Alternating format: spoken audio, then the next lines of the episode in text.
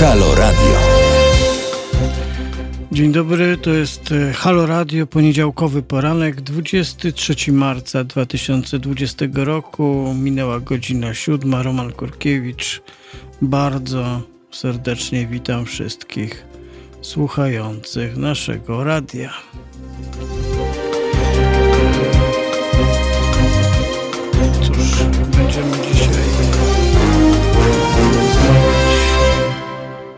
Pewnie nie da się nie rozmawiać o wiadomo o czym, czyli o naszej e, pandemii, o naszym wirusie, e, o tym, co się dzieje w Polsce, o tym, co się dzieje na świecie, no to będziemy o tym e, dzisiaj z Państwem rozmawiać. Zapraszam do telefonowania do nas. Przypomnę numer telefonu 22 390 57 22.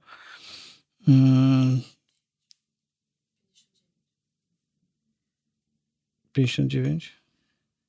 59, 22. Bardzo przepraszam. Dobrze. E, no i będziemy z Państwem tutaj do godziny 10 się borykali e, z tą materią. Może też spróbujemy się zastanowić nad tym, czy można e, jak sensownie uciec od, od rozmowy na na ten temat, czy to ma sens w ogóle, czy może raczej nie. Dobrze. Ja e, nie poddając się wirusowi, mamy tu tradycję starszą niż, niż wirus, czyli czytamy na początek dnia i spotkania mojego z Państwem, za każdym razem fragment książki Eduardo Galeano Dzieci Czasu. Książka jest napisana o tyle przyjemnie, że mamy fragment przypisany do każdego dnia roku. No i w ten sposób wiemy, co przeczytać dzisiaj, bo jest 23 marca. E, dzisiaj będzie rozdział pod tytułem Rzeź Indian. W 1982 generał Efrain Rios Mont w wyniku sprytnego manewru odsunął od władzy innego generała i ogłosił się prezydentem Gwatemali. Półtora roku później prezydent pastor Kościoła Słowa, mającego siedzibę w Kalifornii, z dumą ogłosił zwycięstwo w świętej wojnie, która doprowadziła do eksterminacji 440 indyjskich wspólnot. Według słów prezydenta ten wspaniały wyczyn nie byłby możliwy bez pomocy Ducha Świętego, który prowadził jego służby wywiadowcze. Inny ważny współpracownik Riosa Monta, jego duchowy Doradca Francisco Bianchi tłumaczył korespondentowi dziennika The New York Times. Wielu ludzi pomaga partyzantom, wśród nich Indianie. Ci Indianie to rebelianci, prawda? Jak skończyć z rebelią? Oczywiście trzeba pozabijać Indian. A potem będą mówić, to masakra niewinnych, ale oni nie są niewinni. To był Eduardo Galeano. No i właściwie jak już jesteśmy przy wywiadzie, to czytam teraz, widzę nagłówek w gazecie, że wywiad już w styczniu ostrzegał przed epidemią koronawirusa. Była taka, rząd dostał taką notatkę agencji wywiadu, że zagrożenie koronawirusem z Chin jest poważne i należy przygotować się na kryzys. No tak. No ale co się stało? No tradycyjnie nic się nie stało bo dlaczego miałoby się stać? Więc się nic nie stało. Tak. Amerykanie. E, tak, oczywiście obawiano się, że to Rosjanie rozpuszczają te plotki. Oczywiście, że to jest wojna Amerykanów, e, wojna gospodarcza z Chinami, a poza tym, że wirus jest czysto chiński, Rozumiecie, że Chin, e, e, wirus rozróżnia po prostu e, narodowość i atakuje tylko Chińczyków. No ale cóż, Polacy podobno z tych informacji, które tu zdobyła Gazeta Wyborcza, informowali o tym inne agencje, ale natowskie, ale, Ameryk, ale zwyciężyła opinia wywiadu amerykańskiego. No cóż, cóż, trzymamy rękę na pulsie. Trzymamy rękę na pulsie, cały czas trzymamy rękę na pulsie, ale właściwie yy, wiecie co Państwo, bo tak yy, karmimy się też informacjami, staramy się może spokojnie, nie nerwowo, ale karmimy się cały czas tymi informacjami na temat tego, co się dzieje z tym wirusem. Na ile to jest poważne zagrożenie, chociaż doświadczenie Włoch pokazuje, jak bardzo i jak blisko e, jest ten wirus i jak e, potrafi być zabójczy. I kiedy czytam właściwie te polskie dane, dzisiaj mamy ponad 600 chyba zdiagnozowanych, zarażonych osób w Polsce już i mamy tylko 7 zgonów. I trafiłem na taką informację na temat tego, jak się sporządza statystyki, statystyki zgonów. To był tekst, który się ukazał już ponad rok temu w wirtualnej Polsce. I tak, statystycznie co roku w Polsce umiera około 380 tysięcy osób. E, według GUS-u przyczyną 46, blisko połowy procent, blisko połowy zgonów to choroby kardiologiczne, choroby serca, choroby układu krążenia. E, co jest o tyle ważne, że to są też choroby, które bardzo źle rokują w przypadku zarażenia się koronawirusem. Ale właściwie nie o tym w ogóle chciałem powiedzieć. E, w 2013 roku Światowa Organizacja Zdrowia WHO, która jak Państwo wiecie lub nie, dzisiaj jest traktowana z pełną powagą i atencją przez polskie władze, przynajmniej werbalnie, no ale to zasadniczo mamy taką, taki problem, że werbalnie to u nas świetnie się reaguje na wszystko. Mm, bo jakiś czas temu jeszcze WHO było organizacją kompletnie niepoważną, ponieważ zajmowała inne stanowisko w sprawie chociażby mniejszości seksualnych czy różnych chorób, takich jak AIDS i tak dalej, i tak dalej. Ale do czego zmierzam? W 2013 roku Światowa Organizacja Zdrowia opublikowała raport o głównych przyczynach zgonów na świecie. I w tym raporcie w ogóle nie uwzględniono Polski. Co nie znaczy, że w tamtym roku i w kolejnych Polacy przestali umierać. Chodzi o to, że ponad 25% polskie władze podawały takie przyczyny śmierci, które według standardów WHO są całkowicie nieprecyzyjne i nie pozwalają de facto na umieszczenie w takich statystykach, że były nieprawidłowo wypełnione. Eee, wpisywano na kartach zgonów terminy zatrzymanie krążenia, ustanie oddychania, niewydolność wielonarządowa, starość, czy w końcu śmierć naturalna lub przyczyna nieznana. Wszystkie te określenia są z punktu widzenia medycyny całkowicie nieprecyzyjne i bezużyteczne. E, można powiedzieć e, w skrócie, to pisała autorka tego tekstu, że pacjent zmarł z powodu śmierci, prawda?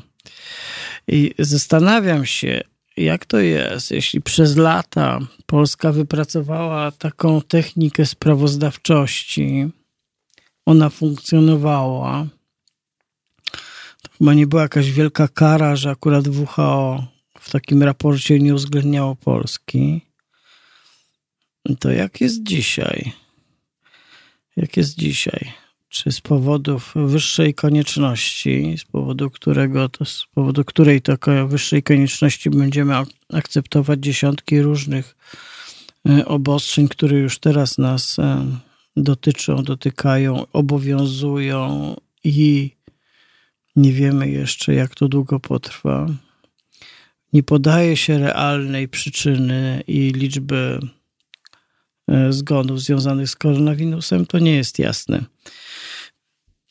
Widać, że w tych informacjach, które rząd przedstawia, czy Ministerstwo Zdrowia, trwa cały czas taka, mm, takie napięcie. Podawany jest jakiś zgon, potem jest wycofywany, ale w świetle tych informacji, które e, tutaj napływają, znaczy tej, tej informacji, którą przeczytałem o tym, jaka była praktyka raportowania, która nas wyrzuciła z globalnego raportu na temat przyczyn śmierci, no to oczywiście można by wyrazić swoje zaniepokojenie. No to właściwie ja chciałbym, e, chciałbym wyrazić takie zaniepokojenie. Jestem zaniepokojony tym, że, że polska medycyna nie określa precyzyjnie przyczyn zgonu setek tysięcy swoich rodaków i obywateli, co ważniejsze, obywateli. Obywateli. No może jak już tak brawurowo zaczęliśmy od zgonów, to, e, to może spróbujmy troszeczkę odreagować i The Emotions i Best of My Love teraz będzie grane i słuchane. To zapraszamy Państwa. Halo Radio. Pierwsze radio z wizją.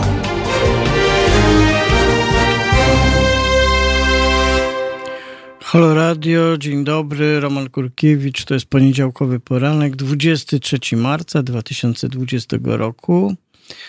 E, jest e, jeszcze pewnie przez chwilę mroźnie, przynajmniej w Warszawie, ale słonecznie. Niektórzy mówią, że to dobrze, bo jak jest chłodniej, to ludzie tak nie wychodzą, a powinni siedzieć w domu. Właściwie to jest bardzo ciekawy temat. E, jaki pakiet zaleceń jesteśmy w stanie w ogóle w sprawie tych zachowań zaobserwować, przyjąć, przetworzyć, wprowadzić w życie? Właściwie codziennie dostajemy nowe informacje w jakim sensie powinniśmy je wprowadzać do naszego kalendarza, do naszych zachowań, modyfikować je. E, z drugiej strony jesteśmy tym przecież bardzo zmęczeni. Nie chcemy tego robić. Nie mamy siły. Elementem tej mm, niezwykłej sytuacji, niecodziennej, jest też to, że co jakiś czas niektórzy z nas będą zapadać w rodzaj takiego depresyjnego odrętwienia czy zapaści, bo jest to w sumie dość przytłaczające również. I sytuacja, z którą nie mieliśmy do czynienia, a w takiej skali społecznej, e, tym bardziej, tym bardziej nie. Jeśli Państwo w tej sprawie chcielibyście coś powiedzieć, albo w jakiejś dowolnej innej wokół E, koronawirusa lub kompletnie bez związku z koronawirusem, to oczywiście zapraszamy do telefonowania do nas. Jeszcze raz podam tym razem absolutnie prawidłowo numer telefonu. Właściwie byłem pewny, że jest inny. Ale jest 22 390 59 22. A nigdy nie był? 570, nie? Bardzo dziwne. Widzicie Państwo, co się dzieje z ludzkim umysłem w dobie pandemii. Jeszcze w dawnych, w dawnych czasach, kiedy nie było komórek, to na przykład ja pamiętałem wszystkie numery podstawowe, ze 30 numerów telefonów do wszystkich tych, do których powinienem pamiętać. Jakoś nie sprawiało mi to problemu, a dzisiaj, prawdę mówiąc, tak już nie jest ale nie ma to związku z e, historią, z którą się tutaj, mm, z historią, z którą się tutaj borykamy.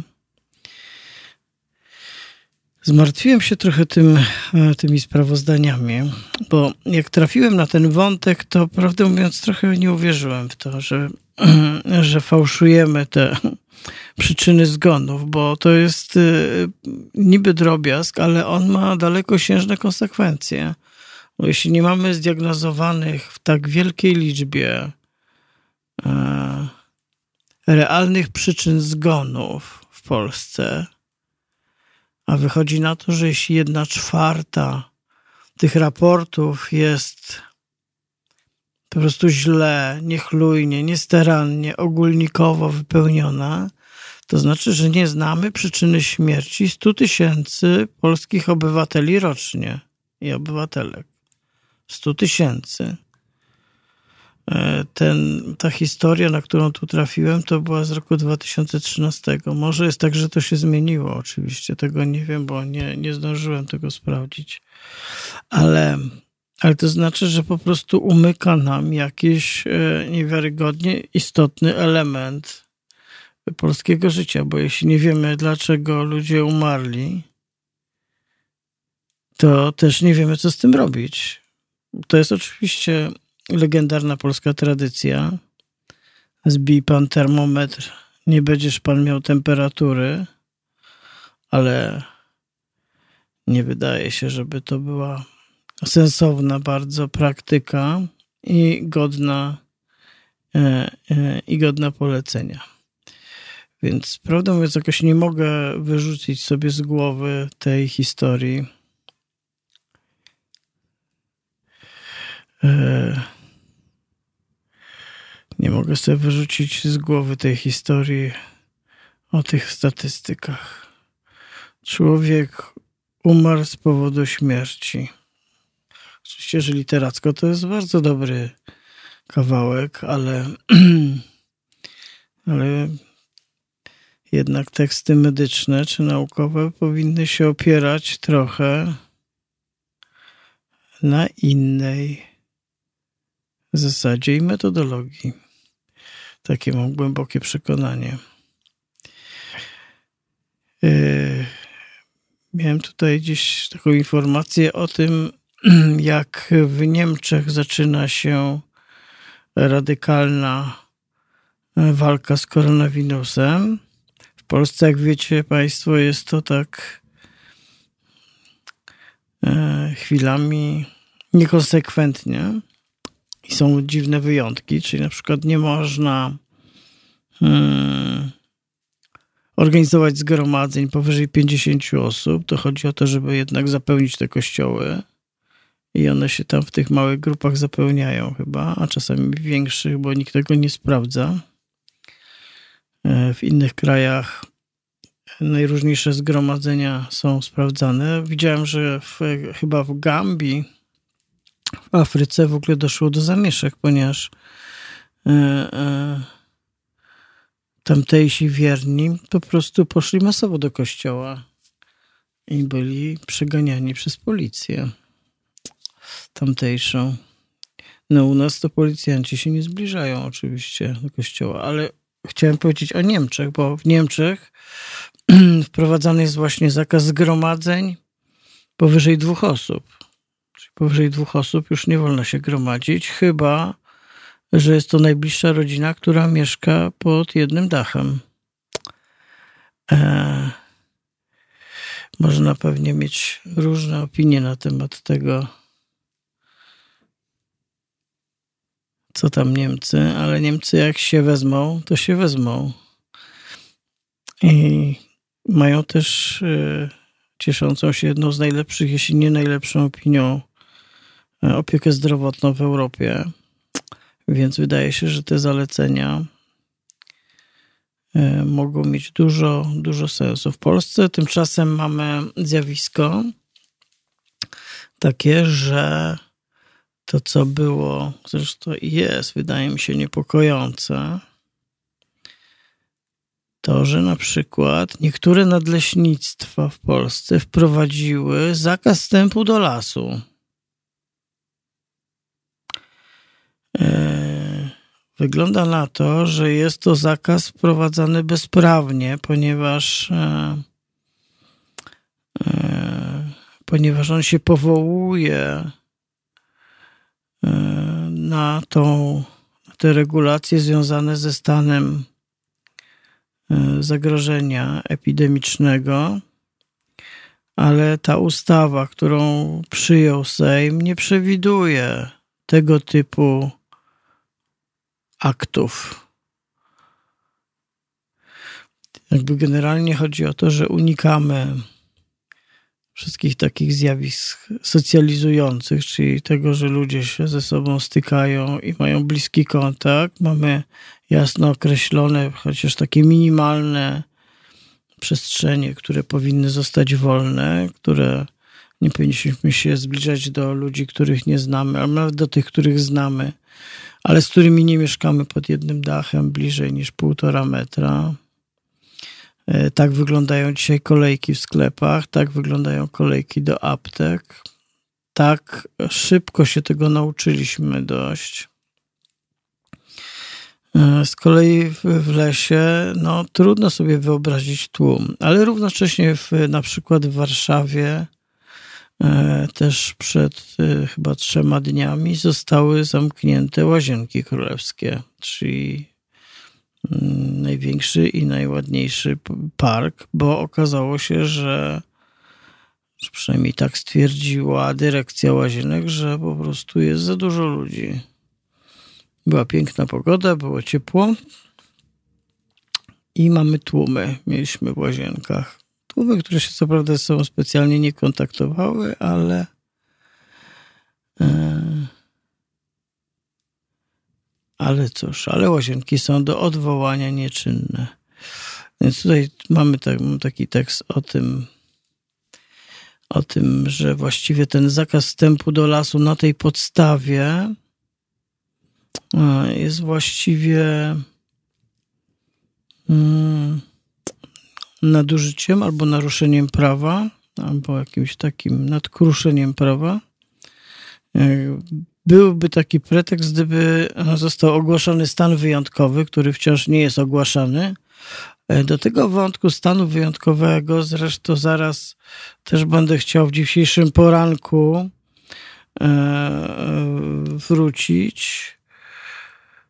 E, przywołując wpis naszego e, do niedawna kolegi redakcyjnego Przemka Witkowskiego, ale na razie wyjdźmy z tego lasu, bo i tak nie można do niego wejść,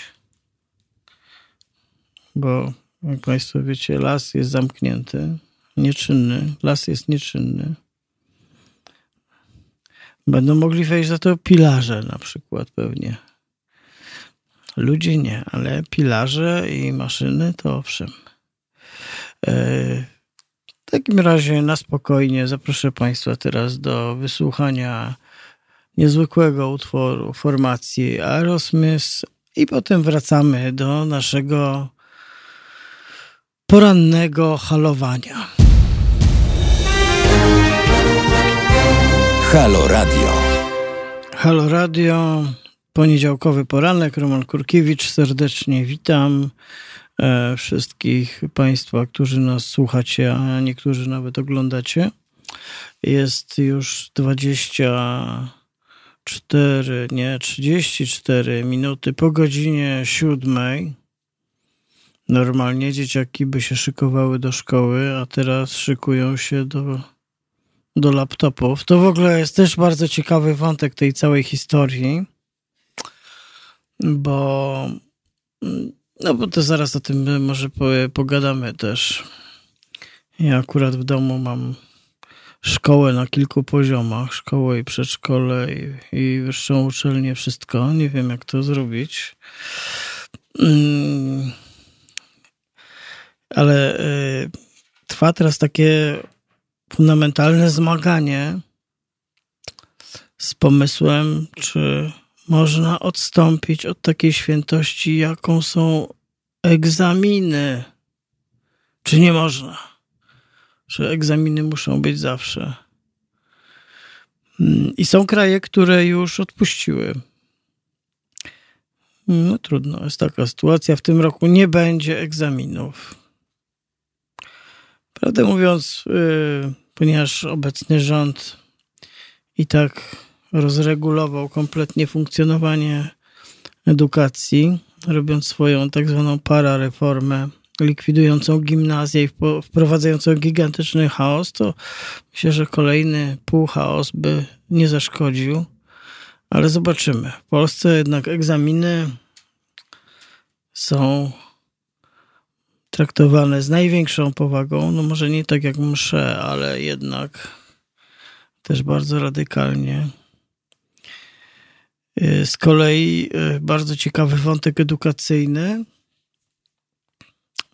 że takim bocznym skutkiem kryzysu pandemicznego może być to, że studenci, którzy uczą się w prywatnych uczelniach, a jest ich sporo w Polsce, będą się wycofywać ze studiów, ponieważ duża część z nich, żeby studiować, pracuje a teraz będą tracić pracę, więc nie będą mieli pieniędzy na studia. Oczywiście, teoretycznie można by sobie wyobrazić, że to jest też grupa obywateli, obywatelek, którym polskie państwo mogłoby podać rękę. Ale to są jednak tylko pracownicy, a nie pracodawcy. Do tak zwanych pracodawców też dzisiaj jeszcze wrócimy w związku z z naszym koronawirusem. E, tak, to jest dobre pytanie, czy, mm, czy skoro się odpuszcza egzaminy, to czy są one nam w ogóle potrzebne? No w tej sprawie właściwie jest taki dość e, fundamentalny spór. E, I takie najbardziej progresywne systemy edukacyjne i oświatowe uważają, że egzaminy są e, taką ślepą ścieżką, że to jest zły pomysł, że to jest metoda, która e, nie buduje e, ani wiedzy, ani umiejętności, które potem przenosimy do, mm, do życia zawodowego chociażby, ale nie tylko że jest to pewien relikt edukacyjny sprzed tak naprawdę 200 lat, w którym tkwimy e, po prostu siłą inercji, która jest niemal tak potężna jak grawitacja. E, na tym jest zbudowany cały obyczaj, rygor, przemoc szkolna, tak naprawdę. To jest narzędzie narzędzie takie egzekucyjne, jakby to nie brzmiało, tak, ale, ale tak to wygląda. Sam system egzaminowania też, który ma formę testów na przykład, e, ma też mnóstwo opisanych doskonale wad, od których, e, od których bardzo często już się odchodzi na świecie, w Europie ale u nas nie, bo one służą do tego, to jest jakby właściwie cała ta rozmowa o tym fetyszu biurokracyjnym fetyszu sprawozdań. Właściwie gdyby Polskę opisać przez to, jak ona jest właściwie źle opowiedziana przez to, że statystyki nas oszukują, e, to moglibyśmy się dowiedzieć bardzo ciekawych rzeczy. Tak jak dzisiaj mówiłem o tym, że właściwie nie wiemy, z jakiego powodu umiera 100 tysięcy ludzi w Polsce, ponieważ e, te karty według WHO są źle opisywane, nieprecyzyjnie, niestarannie, ogólnikowo. Mm, nie ma z tego żadnego pożytku. E, podobnie jest z bardzo wieloma innymi historiami, z wypadkami na drogach na przykład jest bardzo podobnie, że dla wygody się to opisuje zupełnie inaczej niż to funkcjonuje. A e, z egzaminami najróżniejszymi, e, no też jest tak, że te egzaminy zaczynają się bardzo wcześnie. Mamy na poziomie podstawówki te egzaminy, które są jakoś koszmarnie stresujące dla dzieciaków. I może powiedzieć, oczywiście zawsze jest kontrargument. A myśmy to przeszli, było gorzej albo trudniej. No jednym było, drugim nie było co nie znaczy, że, e, że powinniśmy w tym tkwić tylko dlatego, że kiedyś to zostało wymyślone i dalej działa. Więc zobaczymy. Być może rzeczywistość e, e, przyciśnie mm, tutaj władze naszego Ministerstwa Edukacji, żeby w tej sprawie też jakieś kroki po, podjąć. Problem jest z tym, ja mam taki problem osobiście z, również z, z tego punktu widzenia z obecnym rządem, z poprzednimi podobnie, ale z tym intensywniej ewidentnie, że właściwie tak, cała robota taka przygotowawcza, która powinna zostać wykonana wcześniej, na wypadek czegoś takiego nie została wykonana. Więc wszystko teraz dzieje się na bieżąco, jakby pod ostrzałem, pod, pod, pod, pod ostrzałem po prostu.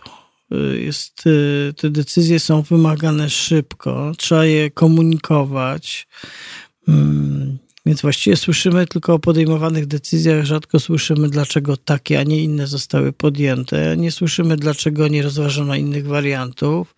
Nie wiemy właściwie, na jakiej podstawie podjęto taką decyzję, mm, a nie inną.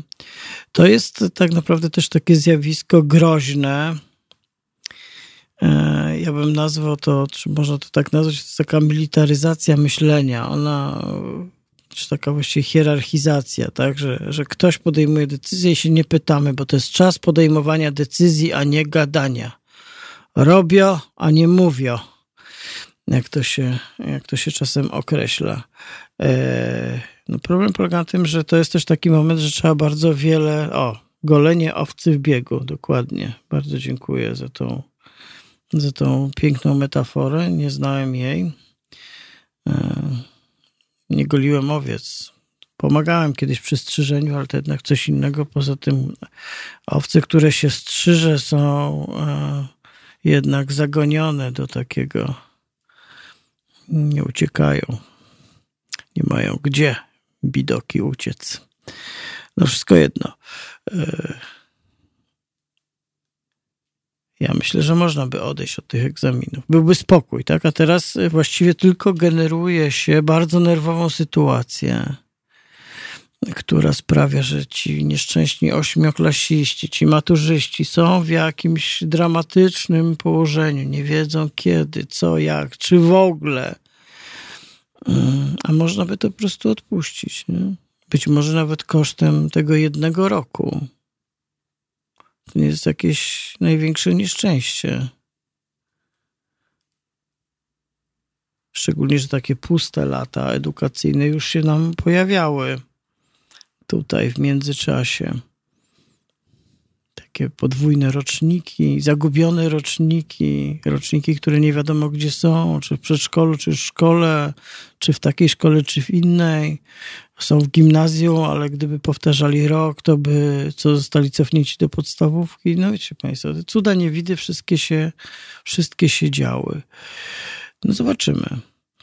E, no, jakby strategią tego rządu jest powtarzanie jak mantra, niezależnie od faktu, że wszystko jest świetnie.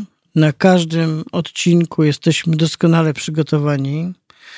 Lepiej niż wszyscy inni, albo jeszcze lepiej niż wszyscy inni lepiej niż wszyscy inni, albo jeszcze lepiej niż wszyscy inni.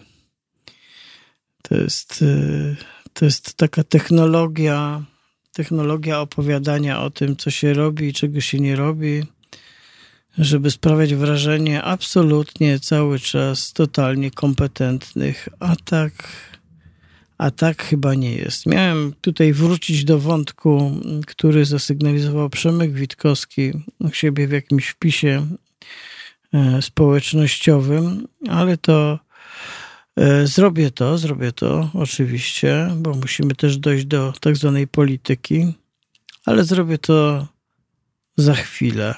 Zrobię to, e, kiedy wysłuchamy Erika Carmena i potem Przemek Witkowski. Może tak zrobimy.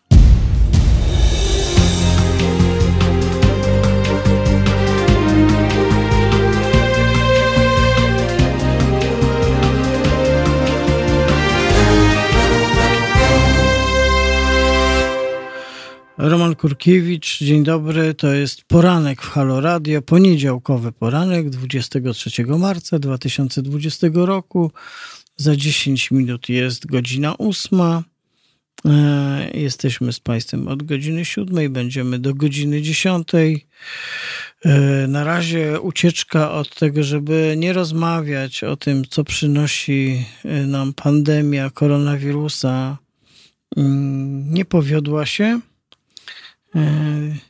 Zastanawiam się właśnie, mm, jak to jest, jakie strategie można przyjmować. Z jednej strony sam już chwilami jestem absolutnie przeciążony E, ilością materiału, e, faktów, wiedzy, pytań, wątków, które się wokół tego pojawiają. Z drugiej strony, udawanie, że tego nie ma, jest też bardzo, e, wydaje mi się, dziwną strategią, więc jesteśmy w takiej pułapce. Jesteśmy w pułapce. Z jednej strony nie chcemy tego, bronimy się, jesteśmy trochę bezradni, z drugiej strony powinniśmy wydaje mi się jednak więcej wiedzieć i rozumieć.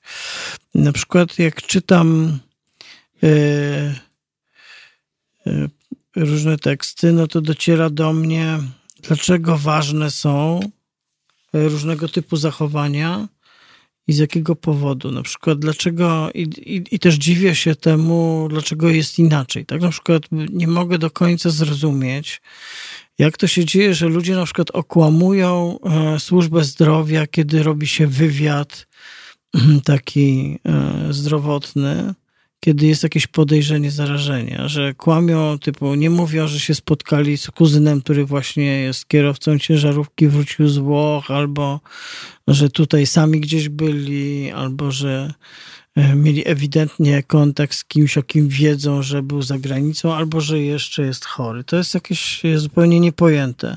Problem polega na tym, że to nawet nie musi być groźne dla ich zdrowia bezpośrednio, ale że w konsekwencji takich zachowań e, kwarantannie muszą zostać poddane na przykład całe zespoły ratowników, pielęgniarek, lekarzy, E, oddziałów w szpitalach. I to jest prawdziwy dramat, kiedy zacznie się, a zacznie się, bo przewiduje się, że za dwa tygodnie mniej więcej w Polsce będzie taki e, szczyt e, i rozhula się naprawdę w sposób groźny ten wirus, no to każda ręka Mm, każda głowa pracująca w służbie zdrowia będzie na wagę złota. Przypomnijmy, że Polska też ma e, najniższe wskaźniki, jeśli chodzi o zatrudnienie na przykład pielęgniarek w Unii Europejskiej, podobnie lekarzy. E, na dodatek jeszcze duża część lekarzy, duży procent lekarzy należy z racji wieku do takiej grupy, e, grupy zagrożonej. Chociaż w Polsce wyłamując się z reguł, które są gdzie indziej, jednak Polska jest wyjątkowa, e, te umierają również osoby wyraźnie młodsze niż to, co pokazywały takie standardy, czy statystyczna opowieść z Chin chociażby, ale też z Włoch. Z Włoch, które są pogrążone absolutnie w dramacie. We Włoszech decyzją władz została zamknięta właściwie cała produkcja, oprócz produkcji, która e, e, produkcji żywności. W Polsce nie. Miałem przeczytać tego Przemka Witkowskiego, ale gdzieś mi zniknął. Generalnie, znaczy nie tyle mi zniknął, co mi uciekł mi. Facebook mi uciekł. Nie wiadomo dokąd. Wiem, że tu mógłbym wpisać. Jakbym wpisał, to bym go znalazł, ale trochę mi się nie chce wpisywać, jak z Państwem rozmawiam tu są przedsiębiorcy, są załamani, to coś. No ja też jestem załamany. Też jestem załamany e, sytuacją, tą informacjami, nie wiem czy Państwo słyszeliście o słynnej polskiej firmie LPP, która jest gigantycznym producentem e, ubrań i odzieży, która już zasłynęła parę lat temu słynną dramatyczną historią, kiedy w Bangladeszu zawalił się wieżowiec, który okazało się był wypełniony mini fabrykami odzieżowymi. I on po prostu runął w dół, tam zginęły po prostu setki osób. Okazało się, że również tam swoją fabrykę miało LPP w tych nieludzkich warunkach. Tym razem LPP wykazało się takim, e, takim numerem, że e, zakupiło na polskim rynku milion maseczek ochronnych, które wyeksportowało do Chin pod pozorem udzielania pomocy humanitarnej. Pomagała zresztą prywatnej firmie, w tym państwowa agencja, po czym okazało się, że maseczki te trafiają do fabryk LPP w Chinach, żeby nie przerwać produkcji. E, równocześnie LPP zwróciła się z, e, z, e,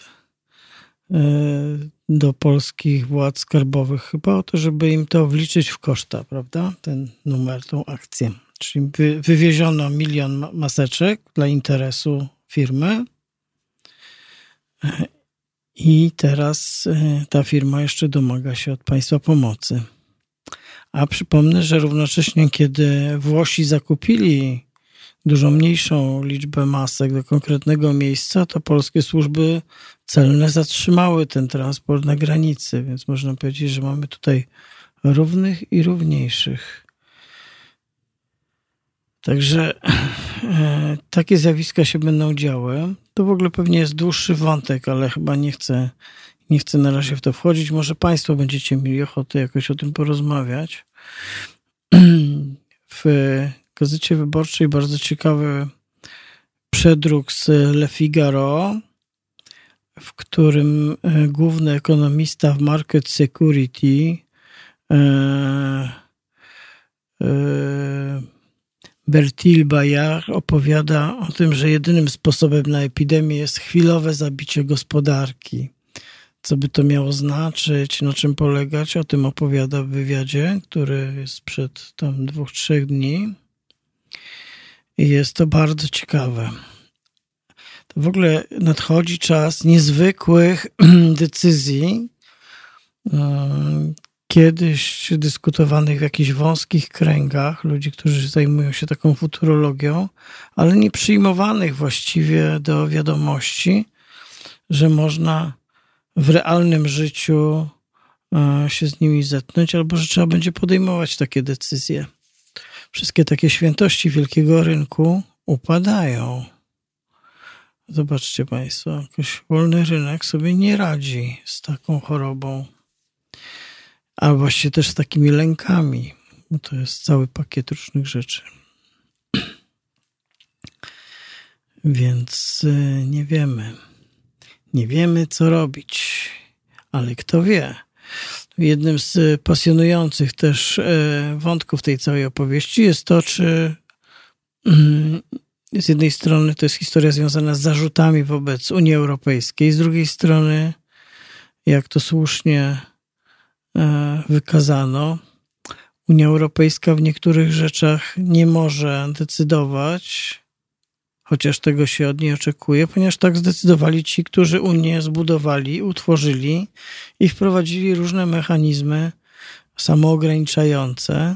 Między innymi tym mechanizmem jest e, ten takie rozdzielenie właśnie systemów zdrowotnych. One nie są zarządzane centralnie, tylko każdy kraj zostawił sobie tę politykę.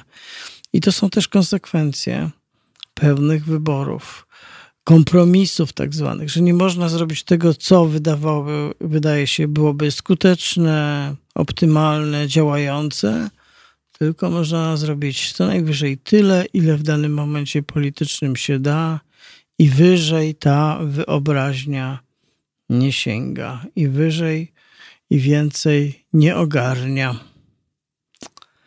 No cóż, zbliża się godzina ósma, to wyrobimy dzisiaj muzyczną normę i posłuchamy teraz The Pointer Sisters, a potem już będzie po ósmej i dalej będziemy z Państwem w tym poniedziałkowym poranku w Halo Radio.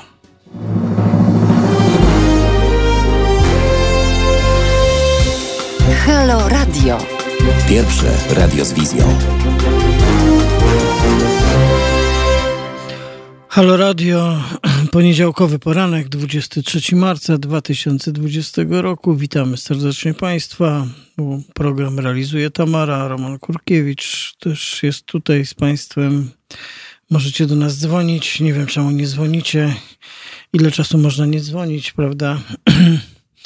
To jest ta forma socjalizacji, która jest skazana, która jest wciąż jeszcze bezpieczna.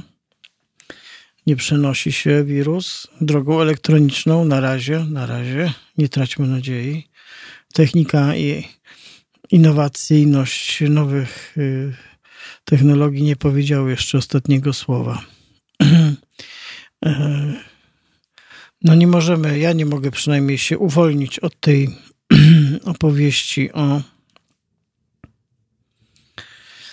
o koronawirusie. Właściwie wszystko wokół tego się kręci, wszystkie wątki się tutaj zapętlają i nas otaczają. Jesteśmy po prostu otoczeni. Taka jest, taka chyba niestety jest rzeczywistość. Jesteśmy otoczeni. No cóż. Mówiłem o tym o tym zarażaniu i, e, i takiej staranności, czy nie wiem jak to nawet, to nie jest chyba nawet uczciwość, tak? Czyli, że ludzie podczas wywiadów medycznego nie mówią o rzeczach, które są ważne, tak? Karetka jedzie nieprzygotowana, się okazuje na miejscu dopiero, że, że człowiek ma temperaturę, że ma kaszel suchy i że po chwili się ukazuje, że, że jest zarażony koronawirusem. Cała ekipa musi iść na kwarantannę. Takie sceny się powtarzają, dzieją się. Nie wiem, jest to bardzo dziwne. Ludzie uciekają z z, z jednej strony z kwarantanny, z drugiej strony z, mm, nawet z ośrodków zdrowia. Wszystko to jest bardzo dziwne, ale to może to jest też taki dziwny czas, który, który nadchodzi. Na pewno chciałbym e, zacząć z Państwem taką rozmowę polityczną, no bo zeszły tydzień to jest już taka E, taka intensywna opowieść o tym, co się dzieje i co się będzie działo z polskimi wyborami. E, co się będzie działo, e, co się będzie działo z wyborami prezydenckimi, które mają się odbyć, miały się, mają się, mają się, będą 10 maja. Tutaj trwa bardzo poważny spór E, ten spór polega na tym, że e, cóż, no właściwie nie ma po prostu warunków, tak? Kraj nie działa normalnie. E, sam mechanizm wyborczy, który jest nie do zmiany w tym czasie, jest dokładnie zaprzeczeniem wszystkich zachowań, o które walczy również sama władza, czyli abstrahując od pracy komisji wyborczych po sam akt głosowania, trudno sobie wyobrazić, że on się odbędzie w takich warunkach, które będą bezpieczne. Równocześnie obóz e, władzy, obóz PiSu, w tym ustami prezesa Jarosława Kaczyńskiego, który z cudownym kaszlem i dezynwolturą wystąpił w ubiegłym tygodniu w jednym z E, w jednej z rozgłośni radiowej z takim wykładem, dlaczego się wybory odbędą. No właściwie dosyć szczerze powiedział, że teraz się powinny odbyć, bo niedobrze, gdyby był prezydent i premier z innych obozów władzy. Z drugiej strony zaczął opowiadać też niewiarygodne banialuki na temat tego, że to Andrzej Duda jest osobą poszkodowaną najbardziej, bo świetnie wypada na wiecach a wieców nie ma. I że w ogóle nikt nikomu nie zabrania prowadzenia kampanii wyborczej, żeby się zbierać w grupach do 50 osób. No właściwie ciarki idą po plecach, jak się tego słucha. I do tego suchy kaszel i nieumiejętnie zasłaniane usta podczas całego programu. Czasami właściwie aż e, aż trudno sobie powiedzieć, gdzieśmy dowędrowali tej dziwnej opowieści. Więc y, na najbliższe dni, tygodnie, będą też taką batalią o to, żeby przełożyć wybory prezydenckie, że one po prostu w tych warunkach odbyć się nie mogą. I tutaj ciekawym przykładem jest Francja, w której odbyły się wybory lokalne w Paryżu. Po pierwsze, już mamy takie efekty, że mamy zarażenia e, osób, które pracowały w komisjach wyborczych. Po drugie, mamy pozew całej grupy lekarzy przeciwko rządowi, że dopuścił do tych wyborów. I to jest, e, wydaje mi się, że bardzo ciekawy, ciekawy precedens. E, no i zobaczymy. Zobaczymy, co się będzie działo. No, wygląda to, że wyborów, warunków do wyborów nie ma. Osoby, które są na kwarantannie, nie miałyby jak głosować. Też Jarosław Kaczyński popisał się bardzo charakterystyczną dla siebie dezynwolturą. Powiedział, że urny będą jeździć do tych, którzy są e, na kwarantannie, ale znaczy będą jeździć. No one same urny nie jeżdżą, więc ktoś musi je zawieźć, ktoś musi się z tym człowiekiem skontaktować i tak dalej, i tak dalej. Prawdę mówiąc, bardzo mamy tutaj poważne obawy i mamy zagrożenie, że taka akcja wyborcza będzie, będzie tak naprawdę mogła mieć krwawe konsekwencje, czy śmiertelne żniwo, jak to się mówi. No i ten wątek jest też do, do przegadywania. To jest bardzo aktualny, aktualny wątek. Z drugiej strony jest oczywiście tak, że mm, PiS bardzo mocno e, tutaj prze e, do tego scenariusza, ponieważ e, zdaje sobie sprawę, również znając czy mając wiedzę o być może bardziej realistycznym przebiegu tego, tej pandemii w Polsce, że wychodzenie z niej będzie dużo trudne. Dużo trudniejsze niż, niż to, co przeżywamy teraz. Właściwie mamy około 10 dni takiej półkwarantanny dla wszystkich, właściwie nieprzestrzeganej. No mamy e, uciążliwości związane z E, dla niektórych z niemożnością pracowania, dla innych z utratą e, możliwości zarobkowania, dla innych z koniecznością opieki opiekuńczej, opieki po prostu nad dziećmi, do czego nie są przyzwyczajeni. Mm, ale wszystko to są właściwie na razie drobne dolegliwości, tak? Chociaż na wielką skalę. Natomiast jak oglądamy to, co się dzieje w, we Włoszech, co być może za chwilę będzie działo się w Wielkiej Brytanii, bo tam dynamika zachorowań z powodu e, przedziwnej, przyjętej wcześniej taktyki dzisiaj przewyższa, mm, jeśli chodzi o tempo, tę dynamikę we Włoszech sprzed kilku tygodni. Więc też nie wiadomo, jak to będzie wyglądało na, na Wyspach Brytyjskich. Raczej gorzej niż lepiej. W Polsce mamy tą dziwną hibernację, ale przypominam wątek, który poruszałem w pierwszej godzinie programu. Jeśli się nie opisuje realnych i prawdziwych przyczyn śmierci w ogóle na co dzień, to, to zakładanie, że nagle w czasie pandemii y, koronawirusa y, władza zaczyna dość szczegółowo wymagać i egzekwować tego, żeby te dokumenty powstawały w zupełnie inny sposób, wydaje mi się bardzo nieprawdopodobna. E, no i tak wracamy do tego pytania o to, czy te wybory w ogóle są realne, czy są możliwe do przeprowadzenia. Opozycja na różne sposoby e, próbuje teraz e, argumentować, zarówno prawnie, jak i etycznie. E, I, e, i zobaczymy, no.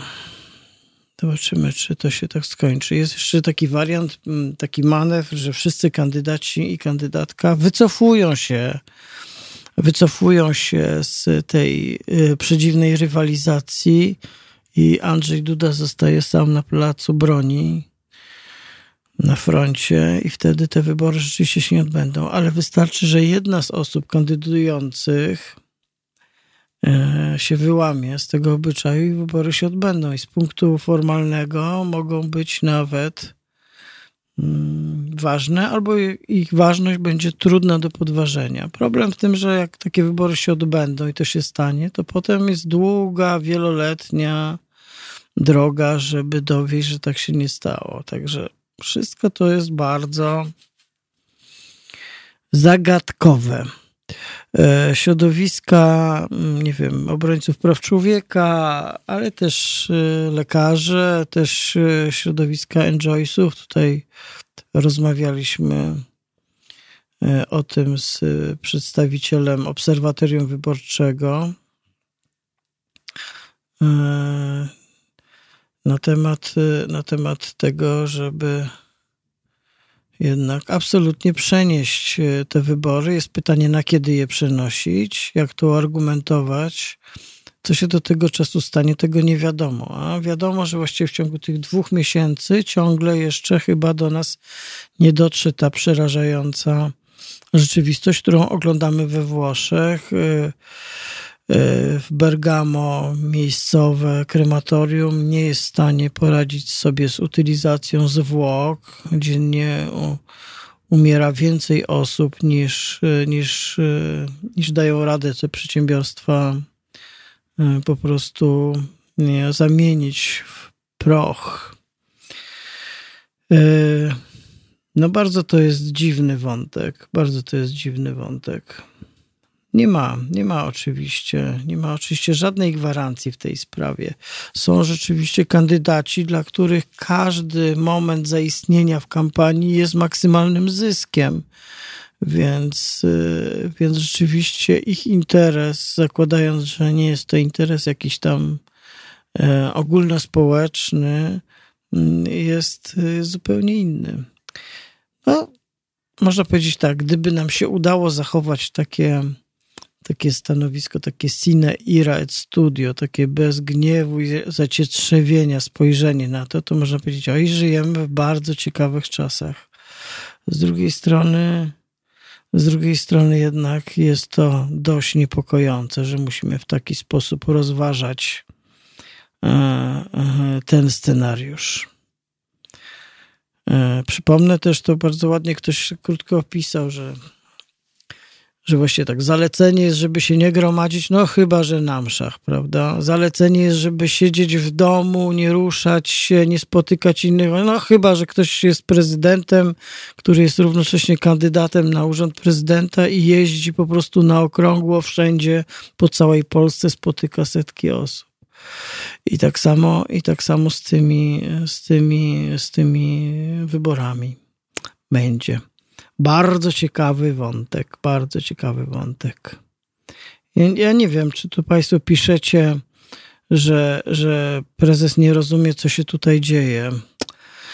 Właściwie z Jarosławem Kaczyńskim zawsze jest taki, taki e, przypomnę, taka ambiwalencja intelektualna, która polega że nam się wydaje, że on czegoś nie rozumie, nie wie, albo to odgrywa bardzo świadomie. Przypomnę, przez lata budował taki e, obraz własnej osoby jako takiego e, człowieka, nazwijmy go delikatnie takiego ciaptaka, bez tego konta bankowego, bez prawo jazdy, bez karty płatniczej, no bo nie musiał.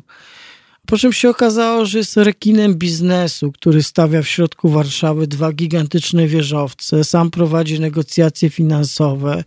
Właściwie, gdyby nie media, to by doprowadził to do skutku i zapewnił na lata doskonałe funkcjonowanie całej swojej formacji finansowej. Uwieczniłby siebie i brata, bo przypomnę, że to jest ten styl budowania sobie nagrobka. Wieże miały się nazywać 2K, jak dwóch Kaczyńskich. E, I nagle okazało się, że ten pan, który sobie nie radzi z kupnem bułek e, i mleka we własnym spożywczaku, do którego nie musi chodzić, po prostu jest człowiekiem, który obraca miliardami złotych i tym zarządza. No dzisiaj oczywiście nikt już o tym nie pamięta. Więc e, tak samo w sprawie tej epidemii ja bym, ja bym nie lekceważył jego zdolności intelektualnych. Ten rodzaj odklejenia e, wcale nie oznacza, że, że, że Jarosław Kaczyński źle widzi rzeczywistość. On widzi, wydaje mi się, że bardzo dobrze. Tu metaforą chyba, czy takim nawiązaniem, czy podobieństwem mogło być jego, jego stosunek e, do Kościoła katolickiego. To Jarosław Kaczyński nigdy nie był żadnym specjalnie e, wierzącym człowiekiem. To znamy jego wypowiedzi z lat 90., ale on doskonale wiedział, że Kościół jest mu potrzebny do sprawowania władzy, szczególnie Kościół, który został e, tak przeformowany w ciągu ostatnich 20 lat w Polsce. I on po prostu z tego absolutnie e, korzysta jak to kiedyś powiedział w sprawie swoich biznesów, ale to się doty, dotyczy w ogóle w sprawie takiej, że tak powiem, majątkowej sytuacji swojej partii. No, gdybyśmy tutaj zachowali absolutną uczciwość, to niczego byśmy nie mieli. No, i to mniej więcej to jest ten styl uprawiania polityki, więc nie dajmy się zwieść. Nie dajmy się zwieść, że to jest osoba odklejona, że nie wie, wystarczająco dobrze wie co się dzieje, ale jest gotów. To, czym się różni od wielu polskich polityków, to, że nie bacząc na koszty społeczne, realne oraz na taki wymiar e, polityczny tego, co robi, jest w stanie po prostu postawić kartę na wszystko, e, nie patrzy na te koszty one są dla niego nieistotne. Tu się może okazać, że walka o to, żeby wybory 10 maja e, rzeczywiście się odbyły, że to będzie walka, która może przynieść naprawdę bardzo, bardzo krwawe żniwo. Realnie. Przypominam, we Francji właśnie mamy to doświadczenie, wybory w Paryżu, są już pozwy przeciwko rządowi przez lekarzy zrobione, są osoby zarażone, członkowie komisji wyborczych. Hmm. Nie wiem, co Państwo o tym myślicie. Bardzo chętnie się dowiem. Przypomnę zatem telefon 22 39 059 22. To jest na początku kierunkowy do Warszawy. I to był nasz telefon. Teraz tu mam informację o tajemniczej nazwie Clear Up Sitiu. Sitiu. Ale to kołysanka będzie? Nie wiem. Bardzo dziwne. O tej godzinie? No właściwie ja chętnie bym się położył spać, ale mm, dziwne są przebiegi tych propozycji muzycznych czasami. I za chwilę wracamy do naszej rozmowy w poranku Halo Radio. Halo Radio. Pierwsze radio z wizją.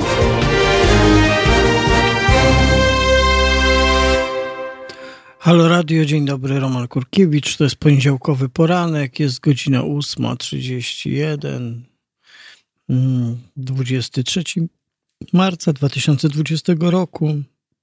No i zmagamy się tutaj z opowieściami moimi wokół koronawirusa, wokół tego, co, e, co wiemy, czego nie wiemy, czego się obawiamy, co próbujemy przeorganizować na nowo, e, a czego nie. Ponad 600, e, zbliżamy się do 650 potwierdzonych przypadków zakażenia koronawirusem w Polsce. Mm, jak obserwujemy tą krzywą, to ewidentnie i wykładniczość staje się dla nas e, widoczna.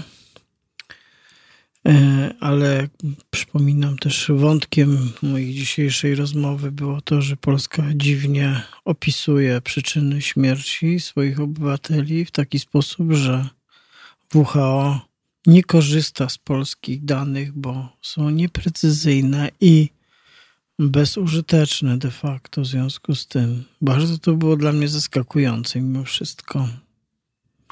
Bo przecież ktoś bierze za to kasę, nie? Że musi opisać przyczynę śmierci poprawnie. A ktoś go nadzoruje, ktoś odbiera te sprawozdania i potem nagle się okazuje, że co, czwarta przyczyna jest opisana kompletnie, co czwarty przypadek śmierci jest opisany kompletnie od czapy. Nie wiem, jakoś nie mogę. Czasami takie dziwne rzeczy mnie zaskakują, ale tam mnie właściwie zaskoczyła bardzo. W Chinach kolejna doba bez y, kolejnych zakażonych, więc wygląda na to, że, że Chińczycy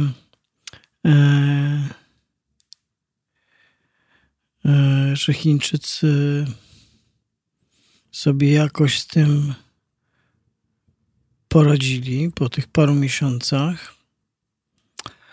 E, no, można powiedzieć, że teraz właściwie podstawowym problemem jest to, co zrobią Włosi i co się będzie działo w innych krajach europejskich, gdzie jesteśmy, gdzie, gdzie mówimy po prostu o naszych sąsiadach. E, teraz też nie, chyba nie znajdę tego wątku związanego z z tym, czy jeśli rzeczywiście wszyscy konkurenci się wycofają, to czy nie będzie tych wyborów. No gdzieś czytałem taką opowieść, że nawet jak tylko sam Jarosław Kaczyński poszedłby do wyborów, to one w świetle dzisiaj funkcjonującego prawa oraz instytucji zatwierdzających takie wybory e, mogłyby się okazać ważne, obowiązujące, skuteczne i tam jeszcze jakie. Więc e, tak naprawdę będziemy teraz obserwować taki spektakl bardzo ciekawy, polityczny. E, Jarosław Gowin, wydaje mi się, jakby nie patrzeć, taki koalicjant PiSu w sprawowaniu władzy, wypowiedział się, że jednak jego zdaniem wybory powinny się odbyć w maju przyszłego roku. No to jest ciekawy wyłom. Eee, więc tutaj, tutaj na pewno politycznie ta sytuacja wciąż nie jest zamknięta, wciąż e, wszystkie karty nie są na stole. Tak. Tutaj e, ktoś z Państwa pisze, że tydzień temu było 800 przypadków, teraz jest 5000 i teraz jakby też Brytyjczycy e, całkowicie zmienili e, taktykę.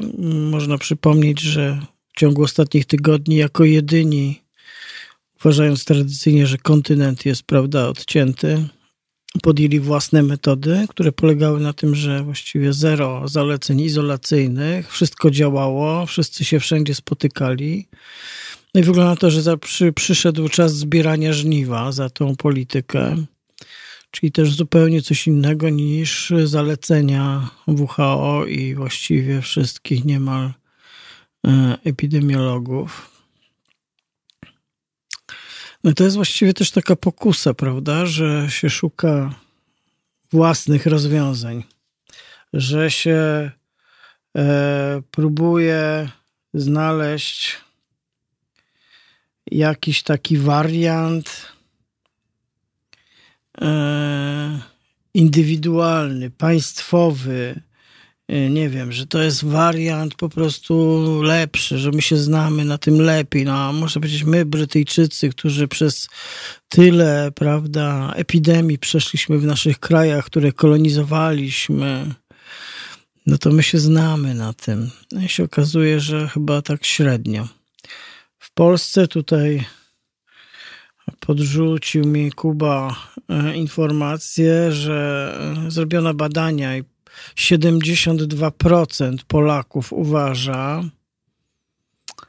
w sondażu zrobionym dla RMF-u i Dziennika Gazety Prawnej, że wybory powinny zostać przełożone. 72%. To bardzo bardzo mocny. Właściwie zostaje tylko twardy elektorat PiSu. To jest elektorat, który nie zadaje pytań, tylko wykonuje zalecenia. Gdyby jutro powiedział e, Jarosław Kaczyński, że trzeba odwołać wybory i nie będzie ryzykował życia Polaków, to ten elektorat natychmiast powiedziałby, że tak właśnie trzeba było zrobić i wtedy mielibyśmy 100%. E, no i cóż, można pozazdrościć może pozazdrościć, że tak powiem, oddanej armii. żadna inna formacja polityczna w Polsce e, taką wierną armią się poszczycić nie może. Armią, która w dowolnym momencie jest w stanie zmienić poglądy w dowolnym kierunku, bo tak mówi prezes. Hmm? Jest to e, fenomen, niewątpliwie. Jest to niezwykła i umiejętność, i zdolność, i wypracowany model. Tak na to trzeba na to spojrzeć.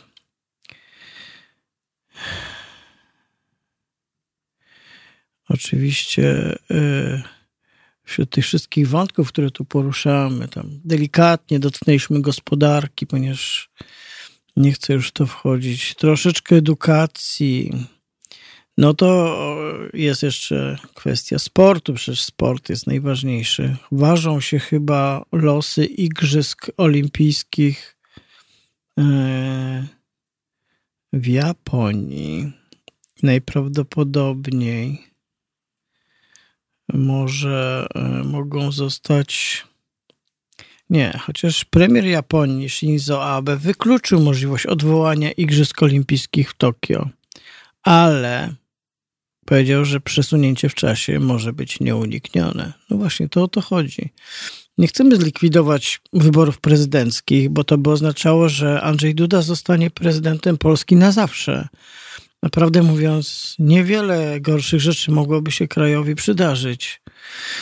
Chodzi o to, że trzeba mm, przesunąć termin e, wyborów prezydenckich, żeby po pierwsze były to wybory, których mogą wziąć udział wszyscy ci, którzy chcą w nich wziąć udział i którzy równocześnie nie stanowiliby zagrożenia zdrowotnego dla innych żeby też e, same wybory były bezpieczne oraz wszyscy, którzy przy tych wyborach pracują, obsługują je, wykonują tą niezwykłą, prostą, ale jakże odpowiedzialną robotę. Z drugiej strony, władzy raz zdobytej oddawać się nie chce.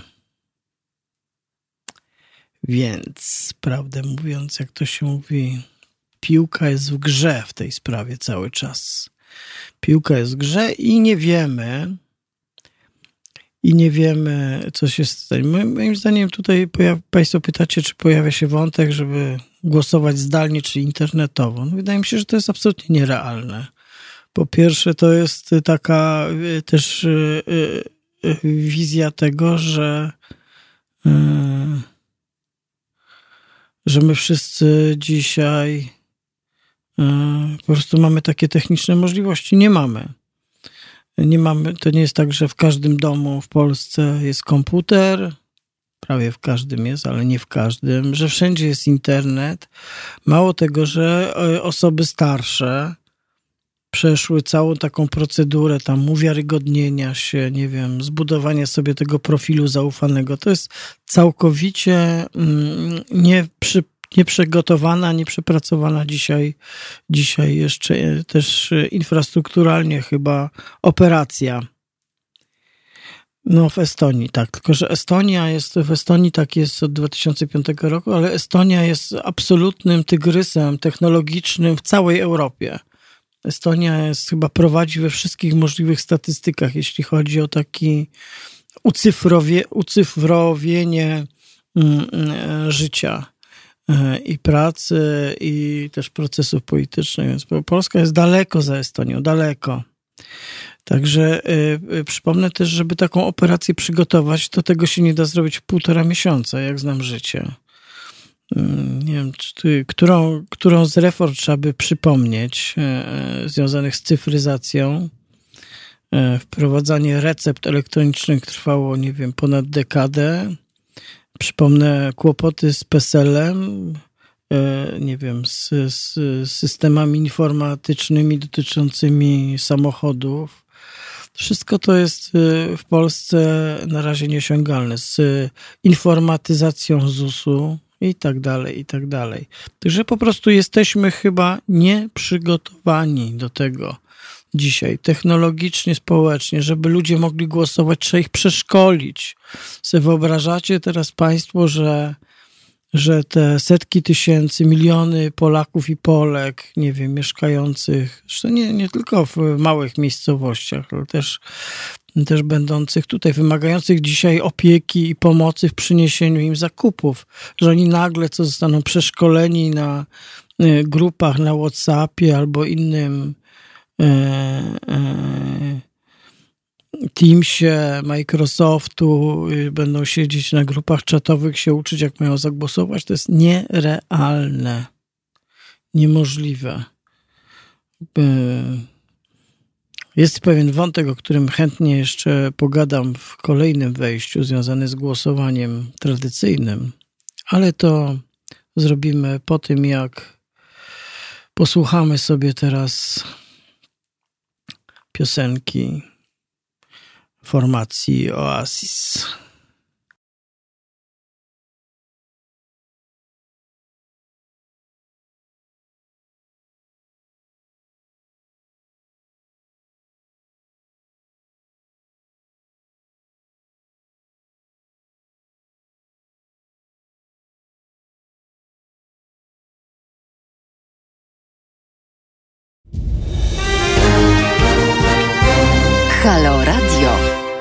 Halo Radio, poniedziałkowy poranek, 23 marca, Roman Kurkiewicz. Serdecznie witam Państwa w kończącej się drugiej godzinie naszego programu, do którego nie dzwonicie. Zapraszam do telefonowania. Pomyślcie, że po prostu jestem e, staruszką z kłopotem e, e, w chodzeniu, nie mam ziemniaków i po prostu trzeba mi pomóc, bo nie zjem obiadu i możecie pomóc, nie musicie kupować tych ziemniaków. Wystarczy, że wykręcicie 22 390 59 22 i ziemniaki znajdą się na tym stole. Ziemniaki, czyli nasza rozmowa. Zapraszam, zapraszam. E, Estonia. Od 2000 roku dostęp do internetu jest wpisany do konstytucji i jest prawem każdego obywatela. No masz, masz. No tak, co to są za, w ogóle co to są za porównania? Na przykład mm, tutaj jest, nie można porównywać Estonii do nikogo, bo jest mniej ludzi. Podobnie jak podczas kryzysu w 2008 roku nie można było porównywać do czegokolwiek Islandii, która kompletnie inaczej sobie poradziła z kryzysem, czyli powiedziała, że nie będzie spłacać w czasie kryzysu zadłużenia i kłopotów prywatnych banków, a ich dyrektorów wsadziła do więzienia, a równocześnie napisała sobie nową konstytucję, wybierając grupę autorów tej konstytucji y, na forach na Facebooku. I no ale to nie jest żaden przykład, prawda? Bo Islandia po pierwsze jest wyspą, po drugie jest malutką wyspą, po drugie, po trzecie wszyscy mieszkają właściwie w Reykjaviku, a Reykjavik ma tam kilkaset tysięcy mieszkańców, z czego i tak duża część to Polacy. No duża nie, ale jednak. Więc to jest zawsze to pytanie, od kogo się możemy uczyć i czego, od kogo nie. Właściwie dlaczego? Jak e, e, w Chinach, e, w, w prowincji Wuhan zduszono koronawirusa, to możemy się od nich uczyć czy nie? Jak e, to się stało w Wietnamie czy w Korei, to od nich się możemy uczyć czy nie? Przecież Wietnam czy e, Korea czy Tajwan to są dużo mniejsze państwa niż Chiny. Może możemy się uczyć od Estonii. Dlaczego nie?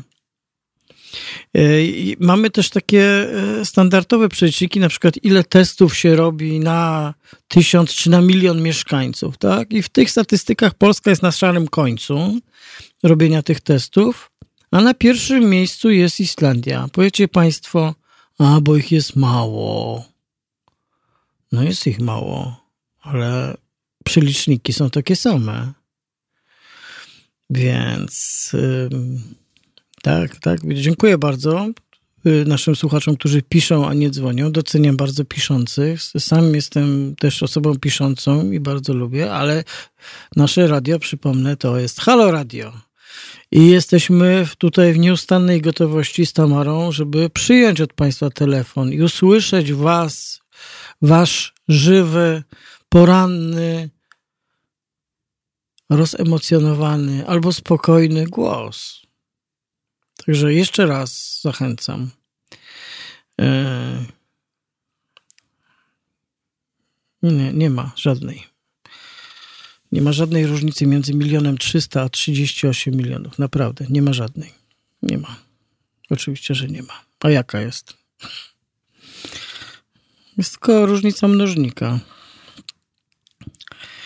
E, to jest legendarny spór o tak zwany problem skali i w niektórych sprawach on znaczy, w innych znaczy mniej. Na przykład jeśli chodzi o statystyki, ile się robi testów na milion mie mieszkańców, no to on nie znaczy. Po prostu tyle można zrobić. E, w Islandii, która ma milion trzysta mieszkańców i tak zrobiono więcej testów niż w całej Polsce 40, milion, 40 milionowej i to jest ten wskaźnik, który pokazuje, dlaczego to nic nie znaczy. Tak? Jeśli tam można było zrobić kilkadziesiąt tysięcy, czy tam ileś tych testów, to tutaj też można było zrobić, ale ich nie robimy. Nie robimy. Dlaczego ich nie robimy, nie wiadomo. W Polsce umierają ludzie, którzy są na kwarantannie, którzy nie doczekali się testu. Czekają e, kilka dni, kilka dób. Dlaczego? Usłyszymy zaraz od ministra Szumowskiego, że on stanie chce zrobić wszystko, żeby uchronić nas od e, wariantu włoskiego. A zapytajmy, ale jak chce pan to zrobić? E, szef WHO mówił jasno Prawie jak Szekspir. Szekspir mówił słowa, słowa, słowa, a szef WHO mówił testy, testy, testy. No i co z tymi testami? Po prostu nie robimy.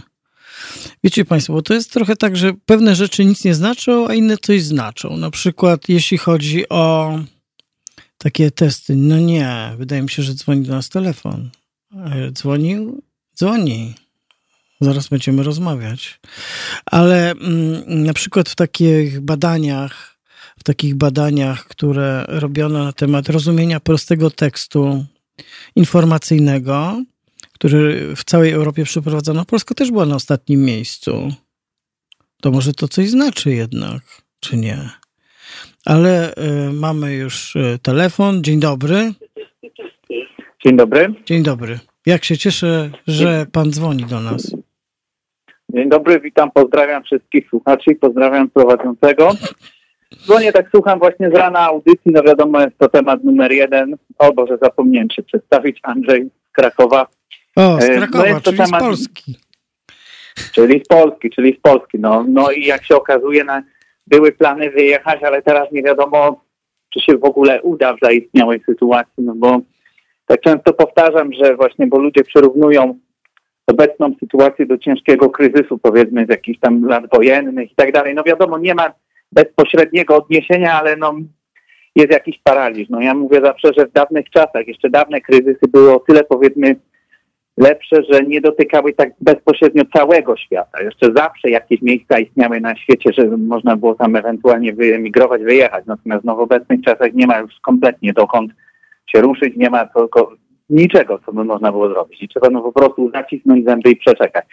A właśnie, bo mowa była o tych testach, dlaczego u nas jest nie, nie jest e, przeprowadzanych zbyt wiele tych testów, no nie jest to tajemnicą.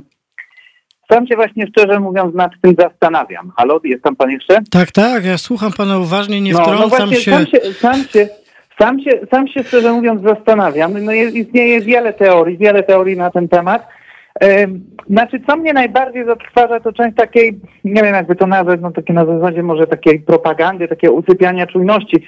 Nie wchodzę tam na Facebooka, czy czytam w ogóle komentarze na internecie, no jest spora część ludzi, którzy twierdzą, że u nas po prostu nas jakoś cudem ominęła ta choroba. Jest wspaniale, jesteśmy jakąś zieloną wyspą, gdzie ona nie dotarła i właśnie kiedyś słuchałem, nie pamiętam, jakaż to była stacja, no jakiś wywiad przeprowadzony z lekarzem i dziennikarka prowadząca coś takiego mówi, no proszę pana, widzi pan, my jesteśmy tak tu w Niemczech kilkadziesiąt tysięcy, w Czechach kilkadziesiąt, u nas jest jedynie tysiąc. Po czym on, on powiedział coś takiego, że właśnie no, skoro w Niemczech przeprowadzono kilkaset tysięcy testów, u nas tysiąc, no to tu jakżeż może być liczba zakażonych zdiagnozowanych u nas wyższa niż w Niemczech. A czemu się nie przeprowadza? Nie wiem, no słyszałem teorię, żeby właśnie albo nie, nie wzbudzać paniki, albo po prostu obecna władza dąży do, do zorganizowania wyborów za wszelką cenę. Jeżeli byłoby ogłoszone kilkaset tysięcy i taka no, epidemia prawdziwego zdarzenia, wówczas trzeba by anulować te wybory 10 maja, no a, a jeżeli nie, teoretycznie powiedzmy nie będzie się nic działo, nie będzie y, ku temu żadnych przeciwwskazań, będą one zorganizowane. No jak jest naprawdę mi się wydaje, zobaczymy dopiero z czasem. No, no nie wiem, dopiero jest pierwszy, pierwszy czy drugi tydzień tego, tej kwarantanny, no i ciężko powiedzieć, chociaż sytuacja no, nie, drugi, wygląda, drugi. nie wygląda za dobrze. Nie wygląda, nie wygląda. Kiedyś przypomina mi się taki był w dawnych czasach taki dowcip, wie pan, o wizytacji w szpitalu takim wojskowym gdzie, gdzie wizytował generał, a, a, a, dyrektor szpitala mu składał taki meldunek, mówi, że tam 500, prawda, hospitalizowanych, tam 30 w stanie ciężkim, tam 400 w stanie stabilnym, mówi i tylko symulant umarł. I to jest, y, i to, i to jest, wie pan, to jest jakby taki, taka opowieść o takim zjawisku, że, że, że ukrywamy. Też od rana mówiłem o tym, o czym się dowiedziałem wczoraj, co mną wstrząsnęło, że Polska mhm. była przez lata nieuwzględniana w tych sprawozdaniach WHO i w statystykach, jeśli chodzi o przyczyny śmierci, po prostu, bo okazało się, że Polska e, źle wypełniała niestarannie te dokumenty, czyli de facto jedna Aha. czwarta przyczyn zgonu w Polsce jest niejasna, niezrozumiała, nie do wykorzystania tak, tak, tak, e, według tak. reguł i standardów medycznych. I to wie pan co, jakby ja się zawsze zastanawiam, jak to się nagle z dnia na dzień dzisiaj one są porządnie wypełniane, dzisiaj ta statystyka nie, nie, wraca do normy, no właśnie. No. Absolutnie nie. I ja jeszcze powiem jedno. E, mam znajomą, ona jest lekarką, nie pamiętam nazwy tej specjalizacji, ogólnie od krwi, od takich rzeczy, tam bardziej w laboratoriach pracuje. I ona mi teraz mi się to przypomina. Ona mi lata temu mówiła, e, tam część przeprowadzano właśnie badań związanych z wirusem HIV i tak dalej. I ona, ona się zawsze wściekała, bo według oficjalnych statystyk w Polsce jest tak mało nosicieli. Ja zresztą kiedyś oglądałem telewizor, to było przy okazji tam dnia AIDS, bodajże na początku grudnia czy pod koniec listopada. No i też oczywiście dziennikarka wpadła w jakąś ekstazę i że jak to u nas jest mały odsetek zakażonych wirusem HIV i tak dalej. E, przy czym tam właśnie lekarka ją tak zripostowała dość szybko, to była zaproszona do studia. Podejrzewam, że już jej więcej nie zaprosili. Ona powiedziała, że nie, że absolutnie nie jest niższy odsetek ludzi z HIV-em, tylko po prostu jest niższy odsetek tych, którzy go mają, a o tym wiedzą. Ona też taka jest różnica, że u nas po prostu nie robią ludzie żadnych badań i, i po prostu część ludzi, i właściwie to mówisz, na przykład wiele kobiet ma w Polsce według takich ich, ich obliczeń, o czym one po prostu nie wiedzą, bo przyjmują, że nie mają, no skoro są kobietami, nie, nie wiem, nie należą do tak zwanych grup ryzyka, one po prostu tego nie mają i nigdy nie robią badań. Był nawet taki wstrząsający przykład 29-latki, która zmarła na AIDS, dlatego że no, zaraziła się hitem w wieku 19 lat, nie wiedziała po prostu, nie zrobiła badań i zmarła w wieku 29 lat. I, I po prostu te testy były ignorowane. I tak samo jest teraz z tymi na, na tą koronawirusa. No, jaki temu cel przyświeca, czy tym złym wypełnianiu kart, no to pan dopiero teraz to wspomniał, no pojęcia nie mam. Czy to głupota po prostu, czy no była Islandia przed chwilą na, e, wymieniona, no. No to jest przykład takiego, miałem okazję tam być, no taki skrupulatny, mądry naród, który no postępuje według powiedzmy utartych schematów i tak dalej, no ale ale no ma to ręce i nogi, zwłaszcza sprawdza się w takich cięższych czasach, jak, jak teraz. No, jak u nas będzie, u nas mi się wydaje, zmierzamy ku takiemu strasznemu chaosowi i, i, i no niestety wszystko się zemści. Ta polityka ostatnich lat i, i, i takie lekkomyślne podchodzenie do wielu spraw, wszystko po prostu wyjdzie teraz w praniu i niestety odbije się takim rykoszetem moim zdaniem na nas. E, no nic, bardzo dziękuję Panie Andrzeju za ten telefon i za, ja za wypowiedź. Życzę e, mimo wszystko mm, spokojnego, dobrego dnia i dobrych e, nadchodzących tygodni i być może ja co prawda mamy jakąś taką podskórną sympatię do chaosu, ale jednak no, ale nie, ten jednak... chaos, który nam się tutaj szykuje, to właściwie on pan, nie, no, nie wygląda dobrze. dodam, że tak, na zakończenie tylko dodam, że chaos jest dobry, jeżeli jest po prostu opcją. Jeżeli Jeśli jest kontrolowany. Chaos, ale, ale, mam, ale mam zawsze okazję wrócić do normalności, jeżeli mm. mi się znudzi ten chaos. Natomiast jeżeli jest jedyną opcją, no to jest wtedy niezbyt dobrze. Dobra, no to pozdrowienia dla całej redakcji, Wątłego i, i wszystkich innych, dla pana prowadzącego i no nic, trzymam kciuki, że jakoś jednak się uda i, i będziemy dziękuję, jeszcze wspominać. Dziękuję bardzo. My to pracujemy w warunkach y, kontrolowanego chaosu. Y, tylko dzielni realizatorzy i realizatorki, i my tutaj sami y, z Państwem rozmawiamy albo mm, telefonicznie, albo łączymy się przy pomocy tajnej aplikacji żeby też minimalizować to ryzyko roznoszenia tej choroby. Jak to e, doskonale już wiemy, e, z tym wirusem jest taki kłopot, że roznoszą go osoby, które same nie mają żadnych objawów. I po prostu właściwie nie wiedzą, że, że tak jest.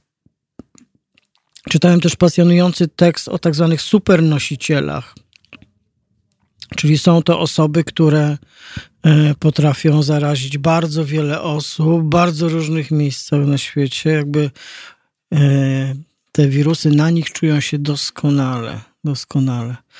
Dobra, będziemy wracać do tych wątków i kolejnych. Teraz e, posłuchamy formacji Gossip i wracamy do naszego poniedziałkowego poranku w Halo Radio. Halo Radio. Pierwsze medium obywatelskie.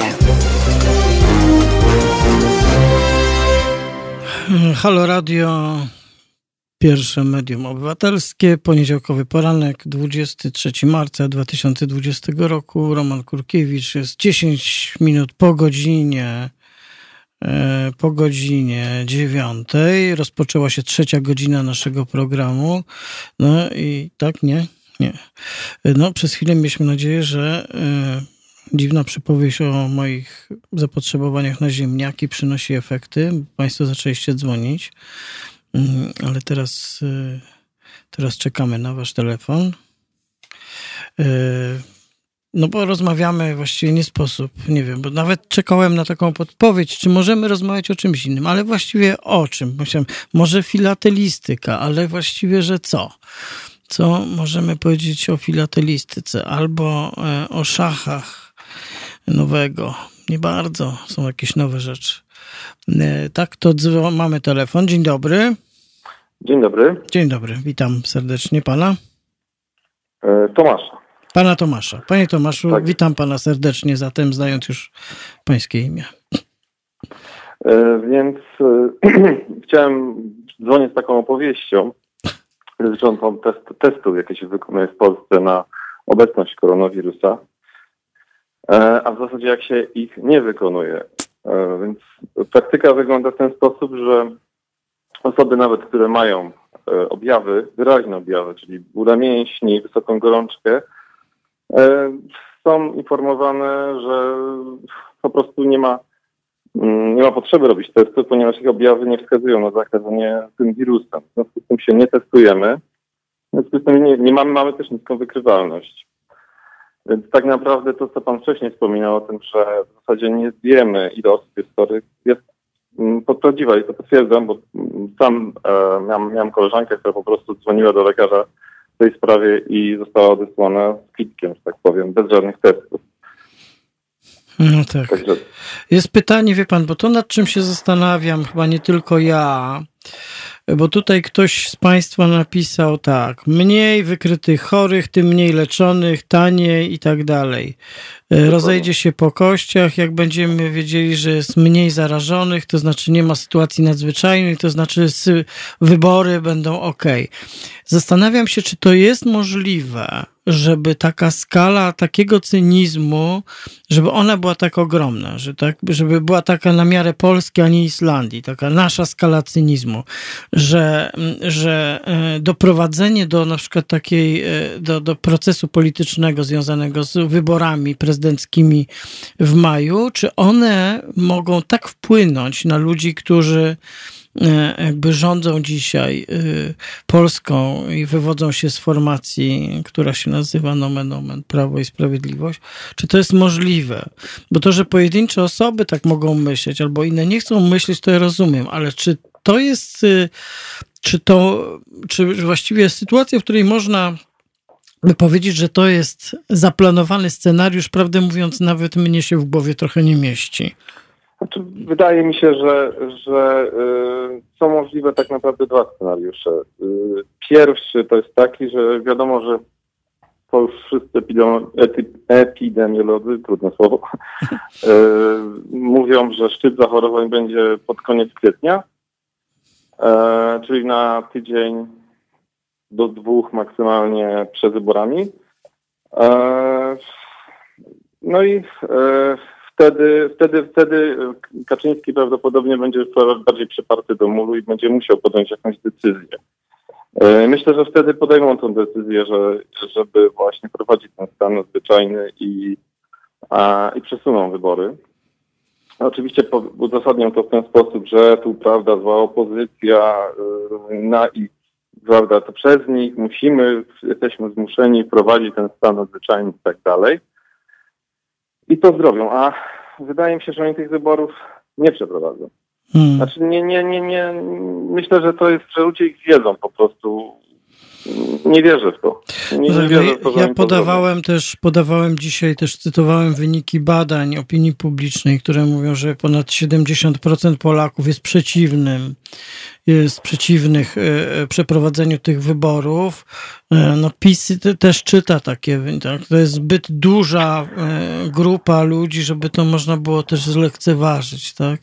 Natomiast no, jakby to, co oglądaliśmy, ten spektakl ubiegłotygodniowy wywiadu Jarosława Kaczyńskiego, radiowego, no to jednak jest porażające, tak? Że wie pan, że, że po prostu otwartym tekstem starszy pan, który kaszle, kaszle w otwartym otwartą dłoń, mówi, że nie ma żadnego, żadnej niezwykłej sytuacji, wszystko jest świetnie, e, normalnie działa. No, e, polskie państwo nie działa dzisiaj normalnie. E, A nie, nie wiem, czy pan zwrócił uwagę na różnicę. Wydaje mi się, że to jest dokładnie jakby kwintesencja y, populizmu, prawda? To znaczy, jak zwrócimy uwagę na różnicę w reakcji rządów populistycznych na tę epidemię i rządów powiedzmy niepopulistycznych, to ona jest uderzająca, prawda? Fernandez w Argentynie e, zamknął państwo praktycznie na cztery spusty e, parę dni temu. E, zrobił dokładnie to samo, co, co, co polski rząd w tej sprawie. E, chociaż no, polski rząd można powiedzieć, że taka reakcja jest połowiczna, ale to tam może nie skupiałem się na, na, na, aż tak naprawdę na szczegółach każdym razie na przykład UK, prawda, nie Wielka Brytania, no to jest po prostu tak, no taka reakcja, której chyba nie powinna mieć miejsca, prawda, że oni wszystko zostawili otwarte, my tak wszystko wiemy. E, Meksyk, no to co tam się dzieje i e, prezydent, który wyjeździ sobie na spotkania, całuje się z ludźmi, prawda, przychodzą setki ludzi na te spotkania, on mówi, że nie przejmujcie się koronawirusem i tak dalej. Trump, to samo. Da, mówił, że bagatelizował zagrożenie, teraz oczywiście po Trumpowsku twierdzi, że nigdy tego nie robił i tak dalej, i tak dalej. I Nigdy nie mówiłem tego, co mówiłem wczoraj. Tak, to jest. Aha, okej. Okay. Znaczy ja nie słyszałem, nie, nie słuchałem nie. audycji. Tego. No nie, nie, no to jakby to ma moja parafraza, tak? Jakby Trump to mówi bez zmrużenia oka, tak? Nigdy nie mówiłem tego, co mówiłem wczoraj. No nie, jest... no oczywiście, no Trump to jest mistrz świata tak. w tego rodzaju e, retoryce. Nic, no w sumie wszystko, co, co, co miałem do powiedzenia na ten moment, tak myślę, że się będę e, żegnał i bardzo się cieszę, że udało mi się do Pana dodzwonić i porozmawiać. Bardzo Dzięki. Pana audycję. No i Halo Radio oczywiście jak najbardziej również też. Dziękujemy Panie Tomaszu. Tradycyjnie e, też łączymy życzenia e, wzajemne dla Pana, dobrego zdrowia dla najbliższych i, i najbliższych spokojnych spokojnych miesięcy, no i, i też obserwowania tego niezwykłego czasu tak naprawdę, bo... No, ciekawe właśnie, co będzie po epidemii, to jest w ogóle... Tak, no to jest kluczowe pytanie. Dzisiaj zresztą się sporo dowiemy o tym, bo jest, będzie procedowana ustawa, o której niewiele wiemy, czyli jak państwo zamierza pomagać e, e, gospodarce. No i tutaj pytanie, komu będzie pomagać i jak? Tak, komu i jak? Tak, Zobaczymy. Tak, jak? Przedsiębiorcom. no właśnie, to jest, to jest słynny dylemat. Słynny dylemat. Zobaczymy, jak no, zostanie rozstrzygnięty. Zandberg ładnie to podsumował na, na swoim tweetem, ale to już tam inna pora Dobrze, dziękuję bardzo. Dzięki. Kłaniam się, życzymy dobrego dnia, tak. Y, tutaj y, padło pytanie pani Patrycja zapytała, żeby zrobić te, e, program o teoriach spiskowych. E, jest bardzo dobry tekst o teoriach spiskowych w, spra w sprawie wokół koronawirusa.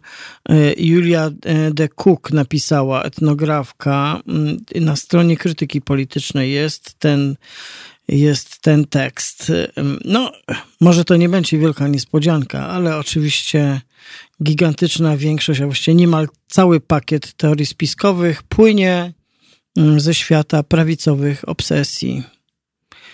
E, no, no cóż, jakoś nie jestem bardzo zaskoczony.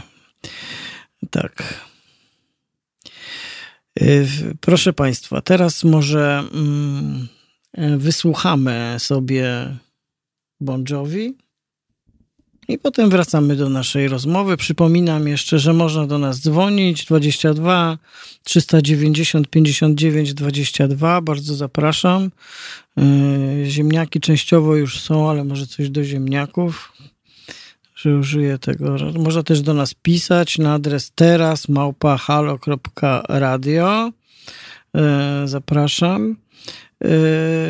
No i też można nas wspierać, prawda? Można nas wspierać, dlatego że jak Państwo nas nie będziecie wspierać, to my pozbawieni Waszego wsparcia tutaj, że tak powiem, oddamy się jakiejś kwarantannie radiowej, a tego byśmy chcieli bardzo uniknąć. Jak widzicie Państwo, dzielnie, chociaż pewnie można, można to robić lepiej, ale dzielnie walczymy i próbujemy z Wami tu być w tym trudnym czasie i zastanawiać się, co po wirusie? Bo to jest właściwie pytanie fundamentalne. Część z nas przetrwa, większa część, większość.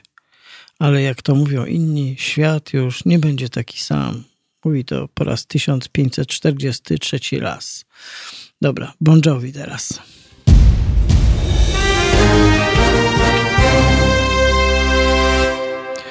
Roman Kurkiewicz, Halo Radio, poniedziałkowy poranek, e, jest godzina 9.25. Rozmawiamy właściwie trzecią godzinę o wielu wątkach związanych z pandemią, z zachowaniem władzy, z dyskusją wokół e, tego, czy wybory przenosić, czy nie.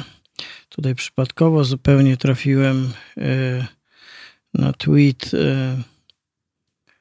prawicowego dziennikarza Witolda Gadowskiego, który napisał tak. Wszystkim komuchom, kto się nabierze na wasze międlenie sprawy wyborów, wy już je przegraliście, a teraz nie zawracajcie nam głowy, bo my mamy pandemię i poważne sprawy. Nie histeryzujcie, tylko weźcie się do uczciwej roboty. Ciekawe, jakie oni mają poważne sprawy. To jest bardzo ciekawe. Co ma Gadowski z pandemią i co on może mieć na głowie w tej sprawie? No nic, bardzo ciekawe, bardzo ciekawe. E, z kolei Cezary Trotyl-Gmes e, też twitterował w bardzo interesujący sposób, że opozycja, właściwie lewacy chcą wykorzystać nadchodzące napięcie i sprowokować e, okradanie sklepów. I że trzeba czerwoną zarazę wybić. Takich mamy korespondentów telewizji publicznej w Polsce. Wiecie, to jest pandemia, która nas toczy od dłuższego czasu, na którą nie ma. Się testy są. Wystarczy posłuchać, przeczytać pięć tweetów i właściwie test jest zaliczony. Nie, a tymczasem jakby Tymczasem y, wątek, o którym chciałem jeszcze porozmawiać, to jest ten wątek domagania się stanu wyjątkowego przez opozycję, bo wtedy formalnie w myśl konstytucji można by te opory, y, wybory przekładać. No i to jest y, ciekawy wątek, że opozycja żąda od Jarosława Kaczyńskiego wprowadzenia stanu wyjątkowego. To jest jednak bardzo niesamowite. Bardzo niesamowite. Jakby zwykłe, racjonalne jakby zwykłe racjonalne powody nie, nie, nie wystarczały, czy nie, nie, nie, nie pozwalały na to, żeby e, po prostu te wybory przesunąć w czasie.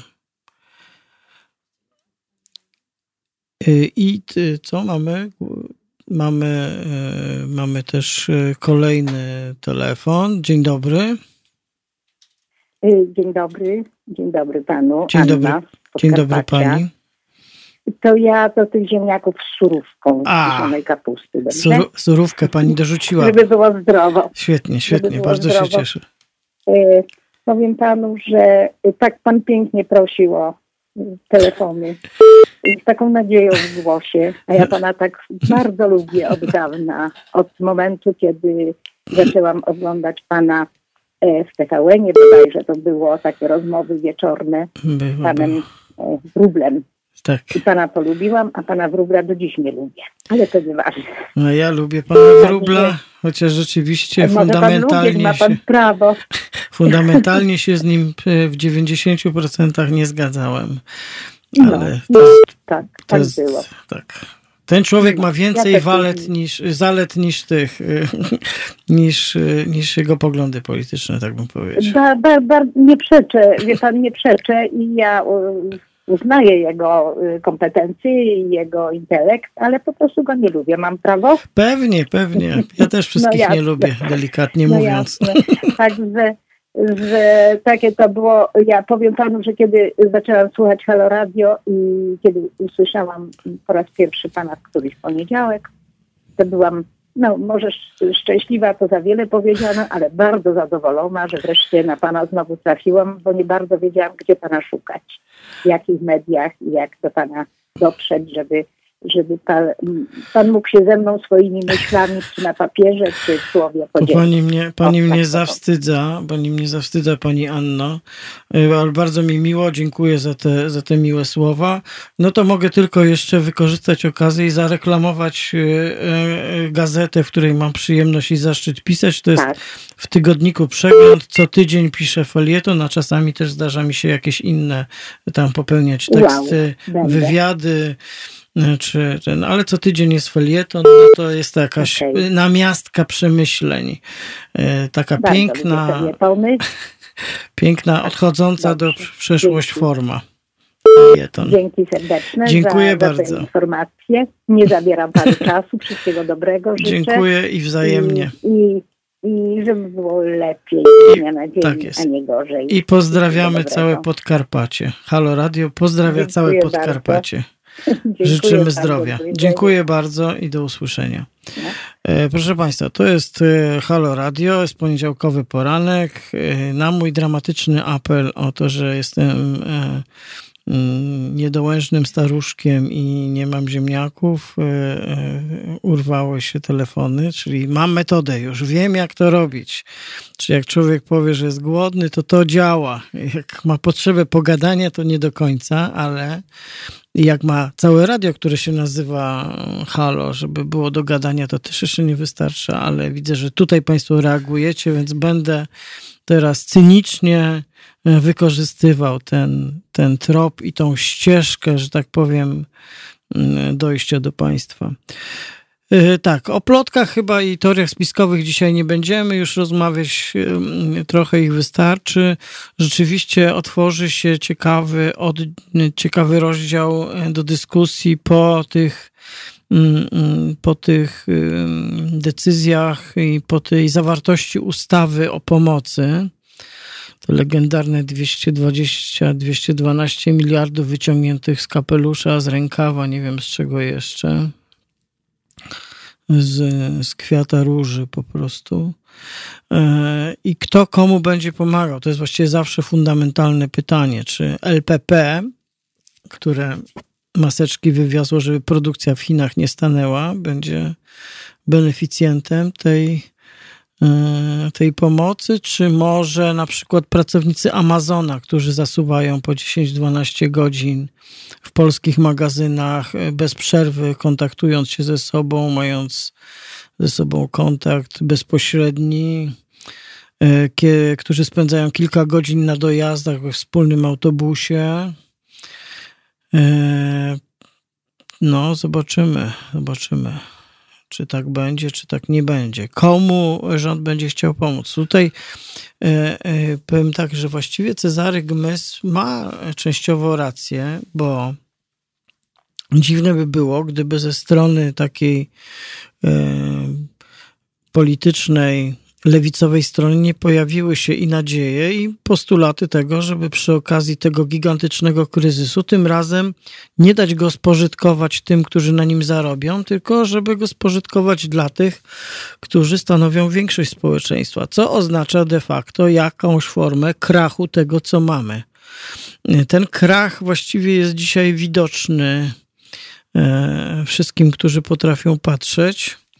No bo w przypadku takich wypadków, które zresztą będą wracały, to nie jest ani pierwszy, ani ostatni wirus. Raczej można się spodziewać, że kolejne tego typu ataki mogą być jeszcze groźniejsze, więc y, trzeba przemodelować ten system, bo on nie działa. Między innymi nie działa dlatego, że taką sferą nieuprzywilejowaną, nietraktowaną poważnie, z atencją i niedofinansowaną jest służba zdrowia oraz prawo do opieki zdrowotnej. W Polsce, mówmy się, to nie jest jeszcze najgorzej, no ale e, Stany Zjednoczone to jest dopiero wyzwanie. E, nie mogę uwierzyć własnym oczom i uszom, ale mamy e, kolejnego rozmówcę, czy rozmówczynię? Rozmówcę. Dzień dobry, pan Mariusz. Dzwoni. Dzień dobry, panie Romanie. Dzień dobry. Ja do pana nie dzwoniłem, nie mówię, że oglądam pana no, intensywnie, może codziennie rano, bo trochę mi to koliduje z Codziennie, planetem właśnie. co, codziennie ja też nie daję. Ja, rady. ale podzielam, podzielam to, co mówiła rozmówczyni przede mną.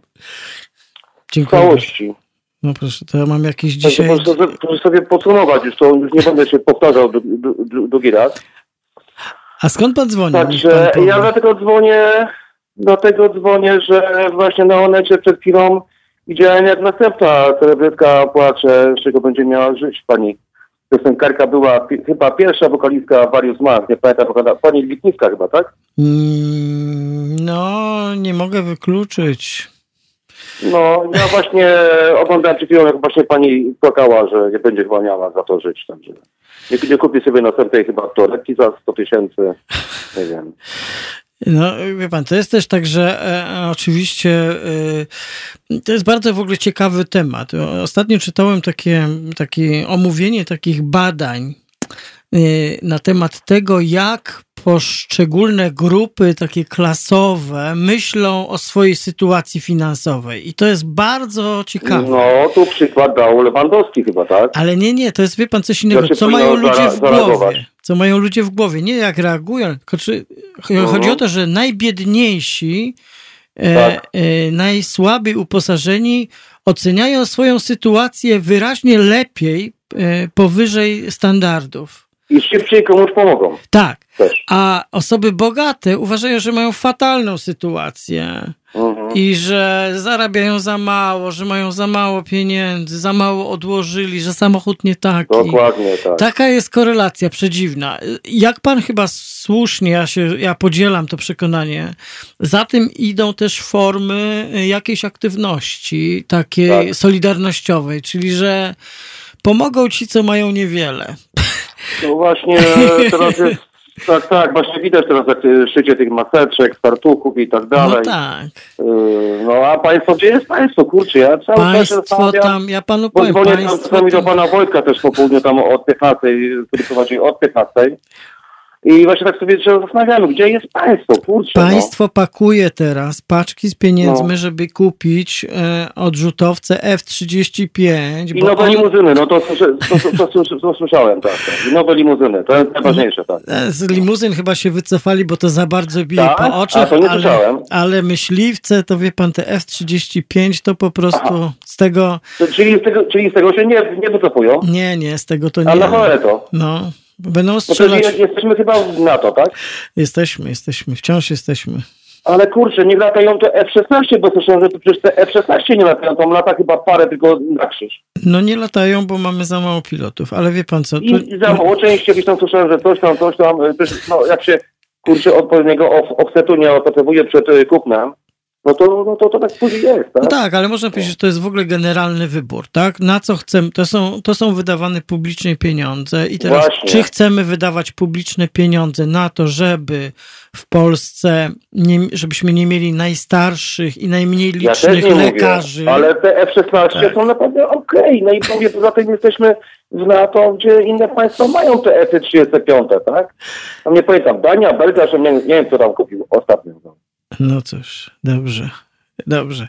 B- Bardzo dziękuję Panie Także Mariuszu ja też dziękuję. za, za I telefon. pozdrawiam pana serdecznie. Ba, bardzo pana lubię, bo też tam znam pana z innych audycji, z innych... Um, po prostu słuchałem pana też w jakimś tam radiu. O, i z panem Wróblem wasze porównanie było bardzo dobre. Także Dziękuję. tej pani, która dzwoniła, także...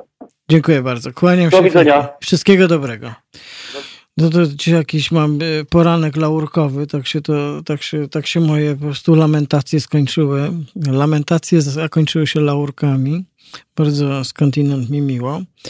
E, No to, to, to jest, y, ostatnio któryś z polityków y, głośno, publicznie powiedział, nie wiem czy to nie był Włodzimierz Cimoszewicz, że po prostu Polska powinna absolutnie zweryfikować te pomysły wydawania pieniędzy, żywej gotówki na lata, topienia ich w tym złomie stalowym, choć pięknie latającym. E, wie- Wiemy skądinąd, że, e, że ani e, taka eskadra w tej liczbie, którą zamierzamy kupić, ani ich uzbrojenie, ani współdziałanie z innymi nie sprawią, że Polska stanie się bezpiecznym krajem. Nie bardzo zresztą widać, kto nas miałby zaatakować. Widzimy, kto nas zaatakował. Zaatakował nas koronawirus. I to są realne straty. To będzie, to, będzie, to będzie gigantyczny cios dla gospodarki, to będzie gigantyczny szok dla społeczeństwa i niestety F-16 na to nic nie poradzą, ani F-35. Nic takiego, nic takiego. I nie wiem, jak długo można to tłumaczyć. Obsesja bezpieczeństwa jest bardzo e, ciekawa i ważna. E, Natomiast trzeba znać jakieś proporcje. E, Wojen tego typu e, Europa nie prowadzi od 70 kilku lat. Zdajmy sobie z tego sprawę. O to, o czym nie mówiliśmy, to, że też będzie odwołane, pewnie będą obchody i rocznica zakończenia II wojny światowej. O, o, a jest okrągła. 75, jakby nie patrzeć. Nie, Więc y, jak to pi- pisał prorok Izajasz, ja wiem, że w Halo Radio to może nie jest stosowne, ale to jednak jest dokument kultury, y, Biblia. Prorok Izajasz y, apelował, żeby przekuć przekluć miecze na lemiesze. I być może to jest, to jest nasz cel, tak? Że naszym zadaniem w przyszłym jest uczyć się lepiej i inaczej niż przez egzaminy, e, zadbać o to, żeby ludzie na ziemi nie głodowali, chociaż dzisiaj produkujemy taką ilość jedzenia, która e, wystarcza, żeby wszystkich nakarmić, ale nie karmimy ich, czy oni głodują z innego powodu, ponieważ tego e, jedzenia nie dostają, jest ono dla nich niedostępne, nie do zdobycia. To oznacza, że jednak pytamy, e, to oznacza, że jednak pytamy e, o, o zmianę systemu. Chyba nie, nie będę wchodził w ten wątek ukraiński, To była bardzo, e, e, e, że tak powiem, odmienna operacja wojskowa od tradycyjnej wojny, umówmy się. E, e, I, I tak dalej, i tak dalej, i tak dalej. Dobrze, drony. Widziałem drona wczoraj, który wyprowadza psa na spacer. To oczywiście w sytuacji, kiedy hiszpańska policja goni ludzi uprawiających jogging, a powinni oni siedzieć na kwarantannie, to jest jakieś rozwiązanie, bo kolejnym krokiem może być to, że nie będziemy mogli wyprowadzać psów. E, I więc e, wtedy oznacza to, że musimy kupić drony, które będą wyprowadzać psy. Aczkolwiek, gdyby mojego psa musiał wyprowadzać dron, to właściwie to już chyba musiałby być dron bojowy, ponieważ lżejszy dron nie dałby rady. E, Więc nie wiem, nie wiem, jak to będzie.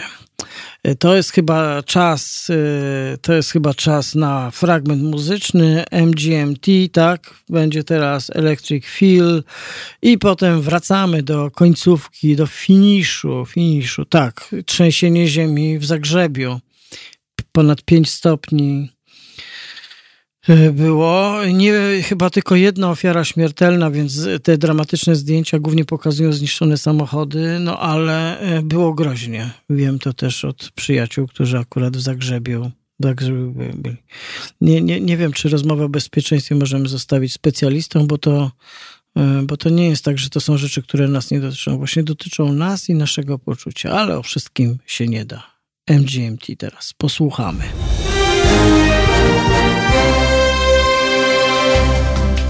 Halo Radio. Pierwsze medium obywatelskie.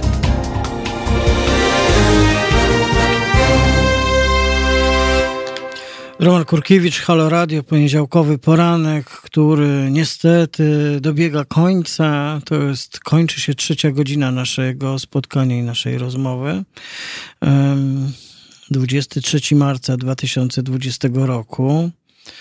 E, różne wątki tutaj się pojawiają, e, tłoczą się. Rzeczywiście to, o czym nie mówiliśmy i niesłusznie, bo jakby ten nieszczęsny wirus e, przykrywa bardzo wiele innych tematów. Na przykład przykrywa w ogóle ludzi chorujących w Polsce. Jakby ich choroby i zagrożenie ich życia staje się mniej ważne. Kiedy, jak przypomnę, kiedy mówiłem o dziwnym wypełnianiu dokumentów statystycznych, w Polsce umiera rocznie około 400 tysięcy ludzi. Gdzie oni są, gdzie troska o nich, e, co oznacza zamykanie szpitali i e, e, przerabianie ich na szpitale zakaźne, prawda? Przecież to są wszystko jakieś dramaty. E, nie mówimy też o sytuacji na granicach Europy, nie mówimy o sytuacji w obozach uchodźczych, gdzie mamy po prostu gigantyczne zagęszczenie ludzi i równocześnie jakieś zupełnie śladowe, e, śladową obecność lekarzy.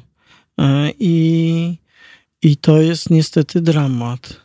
Z pytań tutaj lżejszych, ponieważ przywołałem mojego psa, no to mój pies oczywiście jak przystało jest po prostu rasowym y, tak zwanym mieszańcem, czyli nie ma żadnej rasy. Jestem przeciwnikiem tego pojęcia, jeśli chodzi o ludzi, ponieważ ono już nie istnieje, nie używamy go w nauce. Nauka wycofała się z tego tropu. Okazało się, że to ślepa uliczka jest, że to jest po prostu błędny kod interpretacyjny, ale w sprawie psów niestety to ciągle obowiązuje. Ale mój pies jest po prostu kundlem, ale niestety olbrzymim, bo waży 45 kg.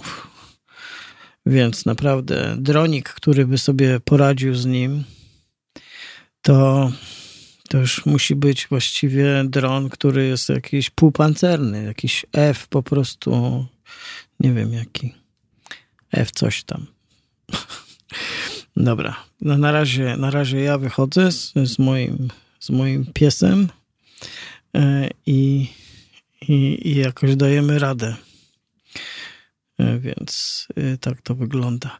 No, proszę Państwa, ale z, mamy też doniesienia z, z dziedziny kultury. Wyobraźcie sobie Państwo, że jak to się mówi, policja przyjechała na Facebooka, a konkretnie przerwała koncert online'owy. Formacja Łydka Grubasa, przykro mi, nieznana mi bliżej wcześniej, ale teraz jak go wrócę do domu, to będę słuchał. Formacja, olsztyńska formacja Łydka Grubasa w myśl odpowiedzialności i miłości do muzyki zagrała koncert online. Ale Wszyscy, co prawda, którzy słuchali, tańczyli, podrygiwali, nie wiem, co tam jeszcze robili, bo patrząc nas tutaj na e, zdjęcie, to nie wiem, co to jest właściwie. Czy to jest rap, czy to jest jednak jakiś punk, czy jakaś bardziej tradycyjna forma muzyki niezależnej. E, wszyscy siedzieli w domku i coś tam robili, a chłopaki grali, ale grali w zamkniętym amfiteatrze i policja przyjechała do zamkniętego amfiteatru i przerwała koncert online. Więc, prawdę mówiąc, nigdzie nie jesteśmy już bezpieczni. Właściwie można sobie wyobrazić, że ktoś przyjedzie i nam zamknie studio, prawda? Chociaż my jesteśmy tutaj z Tamarą tylko dzisiaj we dwoje, to nawet spełniamy bardzo wymagające, restrykcyjne oczekiwania niemieckie. gromadzimy się w dozwolonej liczbie tutaj. Tworzymy masę krytyczną, bo gdyby ktoś jeszcze wpadł, to już jest gorzej, no ale w końcu tutaj nie Niemcy. U nas. Albo jak, jakby co, moim zdaniem, to będziemy nadawać z kościoła, nie? Bo tam wolno. Halo Radio z kościoła. To by było. To by było. Nie wiem, czy Państwo chcielibyście dalej nas wspierać.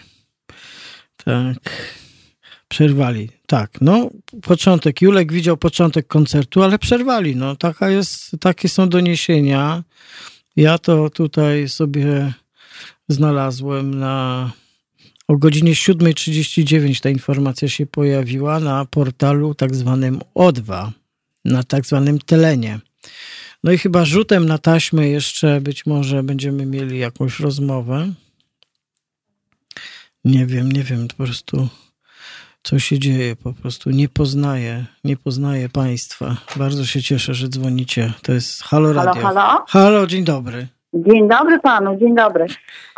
Pozdrawiam wszystkich. Oczywiście, że nie możemy podjąć y, wszystkich wątków, choćby takich społecznych, ale fajnie, że jesteście, fajnie, że poruszacie mimo wszystko wiele tematów. Natomiast jeszcze jest jedna kwestia, wie pan. Y, mam takie nieodparte wrażenie, jak słucham ciągle y, państwa audycji, może się mylę, proszę mnie poprawić, że mówimy w większości o mieszkańcach dużych miast. To ja panu coś powiem. Tak. E, krążą takie memy, trochę może przerażające, ale mocno prawdziwe, gdzie takie miasta, wie pan, jak jakieś Kalisze, Łowicze, e, Pabianice, e, jest przy obrazek i do połowy obrazka jest zdjęcie pustych ulic i napis przed epidemią.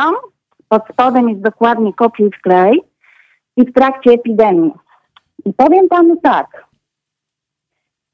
E, dużo jest takich głosów e, ludzi, którzy e, posiłkują się taką narracją dzisiaj i mają rację w małych miastach. A gdzie my żeśmy dotąd chodzili? Mhm. Jeżeli w małym mieście czekaliśmy na kino, wie pan, nie wiem, kilkanaście lat, bo burmistrz miał ciągle inne wydatki. Nie oceniam teraz, stwierdzam fakt.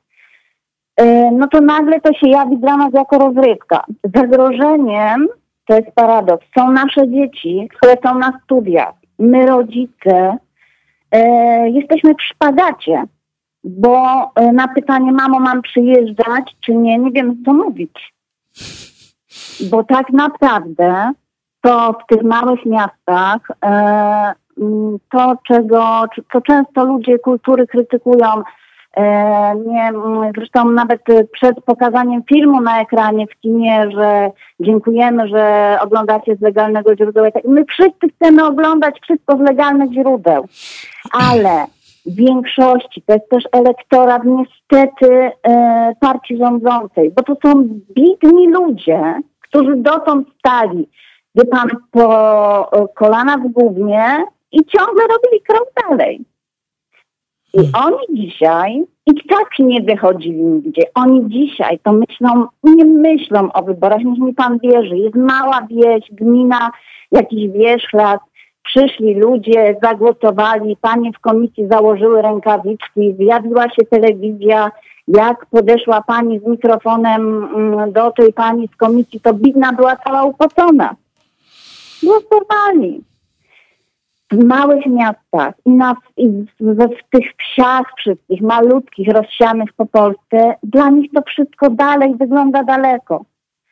Y, słyszę w mediach też y, któryś tam dzisiaj, że, Wło że cechą Włochów jest lekkomyślność.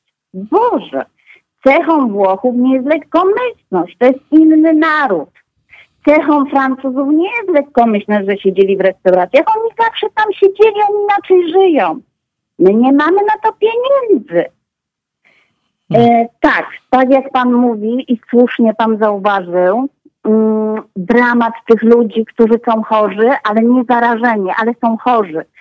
Nam dzisiaj nie opustoszały oddziały onkologiczne, one są nadal pełne. Ci ludzie tam są przerażeni. Dzisiaj jak słyszę, że klaszczemy lekarzom, tak, to jest grupa zawodowa i pielęgniarki, gdzie czapki z głów, po prostu czapki z głów wszystkimi ludźmi gdzie oni zawsze byli niedofinansowani, błagali od x czasu o to, żeby Czapka, ktoś się nad nimi czapka pochylił, z prawda? głowy. Zdjąłem właśnie Tak. czapkę z głowy e, dla lekarzy i pracowników medycznych, i Tak. pielęgniarek, i ratowników, i laborantów, laborantki. Dokładnie.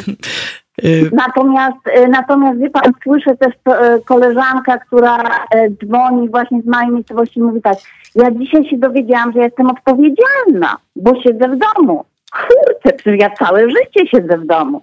Ja wiem, że my wszyscy chcemy być, wszystkie panie jak Małgosia Rodzenek, czy jakakolwiek, no okej, piękne, młode, no zresztą taka retoryka, która najpierw u nas ym, jakby powtarzana, bo jak mantra, nas to nie dotyczy, to dotyczy ludzi starszych. No nie, proszę pana, PESEL po 40 zwalnia metabolizm, nie będziemy tutaj robić wykładu, tak?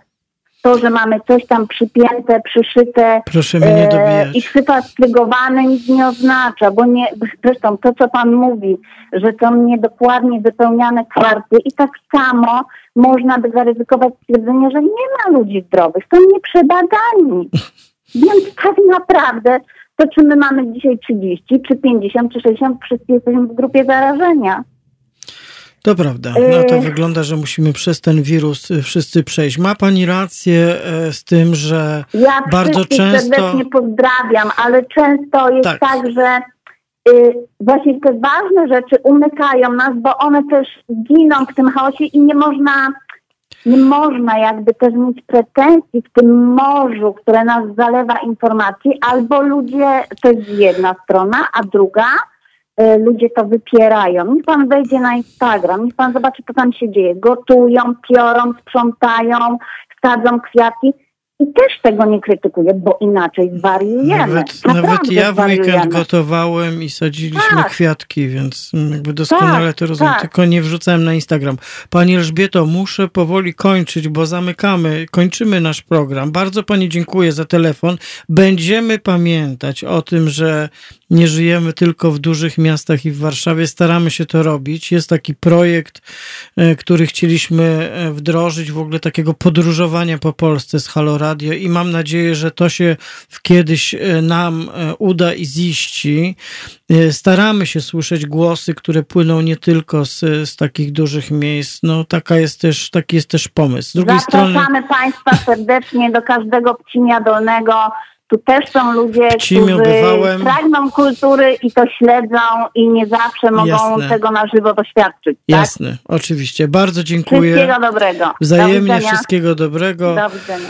Do widzenia, do usłyszenia właściwie tu mówimy, chociaż do widzenia też, bo nas widać. Proszę Państwa, nasze trzygodzinne, poranny program, spotkanie dobiegł końca. E, Kończymy tutaj z koleżanką, re- realizatorką Tamarą naszą pracę, za którą bardzo dziękuję. E, Klaszczę Tamarze, tak jak pracownikom, prawda, służby zdrowia, właściwie pełni też taką funkcję tutaj, dba o nasze zdrowie. Teraz co prawda chce mnie mm, zamrozić, chociaż mróz na ulicach był. E, No to co był poniedziałkowy poranek, Roman Kurkiewicz, Halo Radio. Od 15 zapraszamy na programy premierowe, a przez cały dzień proszę nas słuchajcie, dzwońcie, wspierajcie, żebyśmy mogli z wami być, żebyśmy mogli być w różnych miejscach i jak najdłużej walczyć z różnymi siłami ciemnymi, nie tylko z koronawirusem. Do usłyszenia. Bardzo dziękuję. To był miły dzień dla mnie.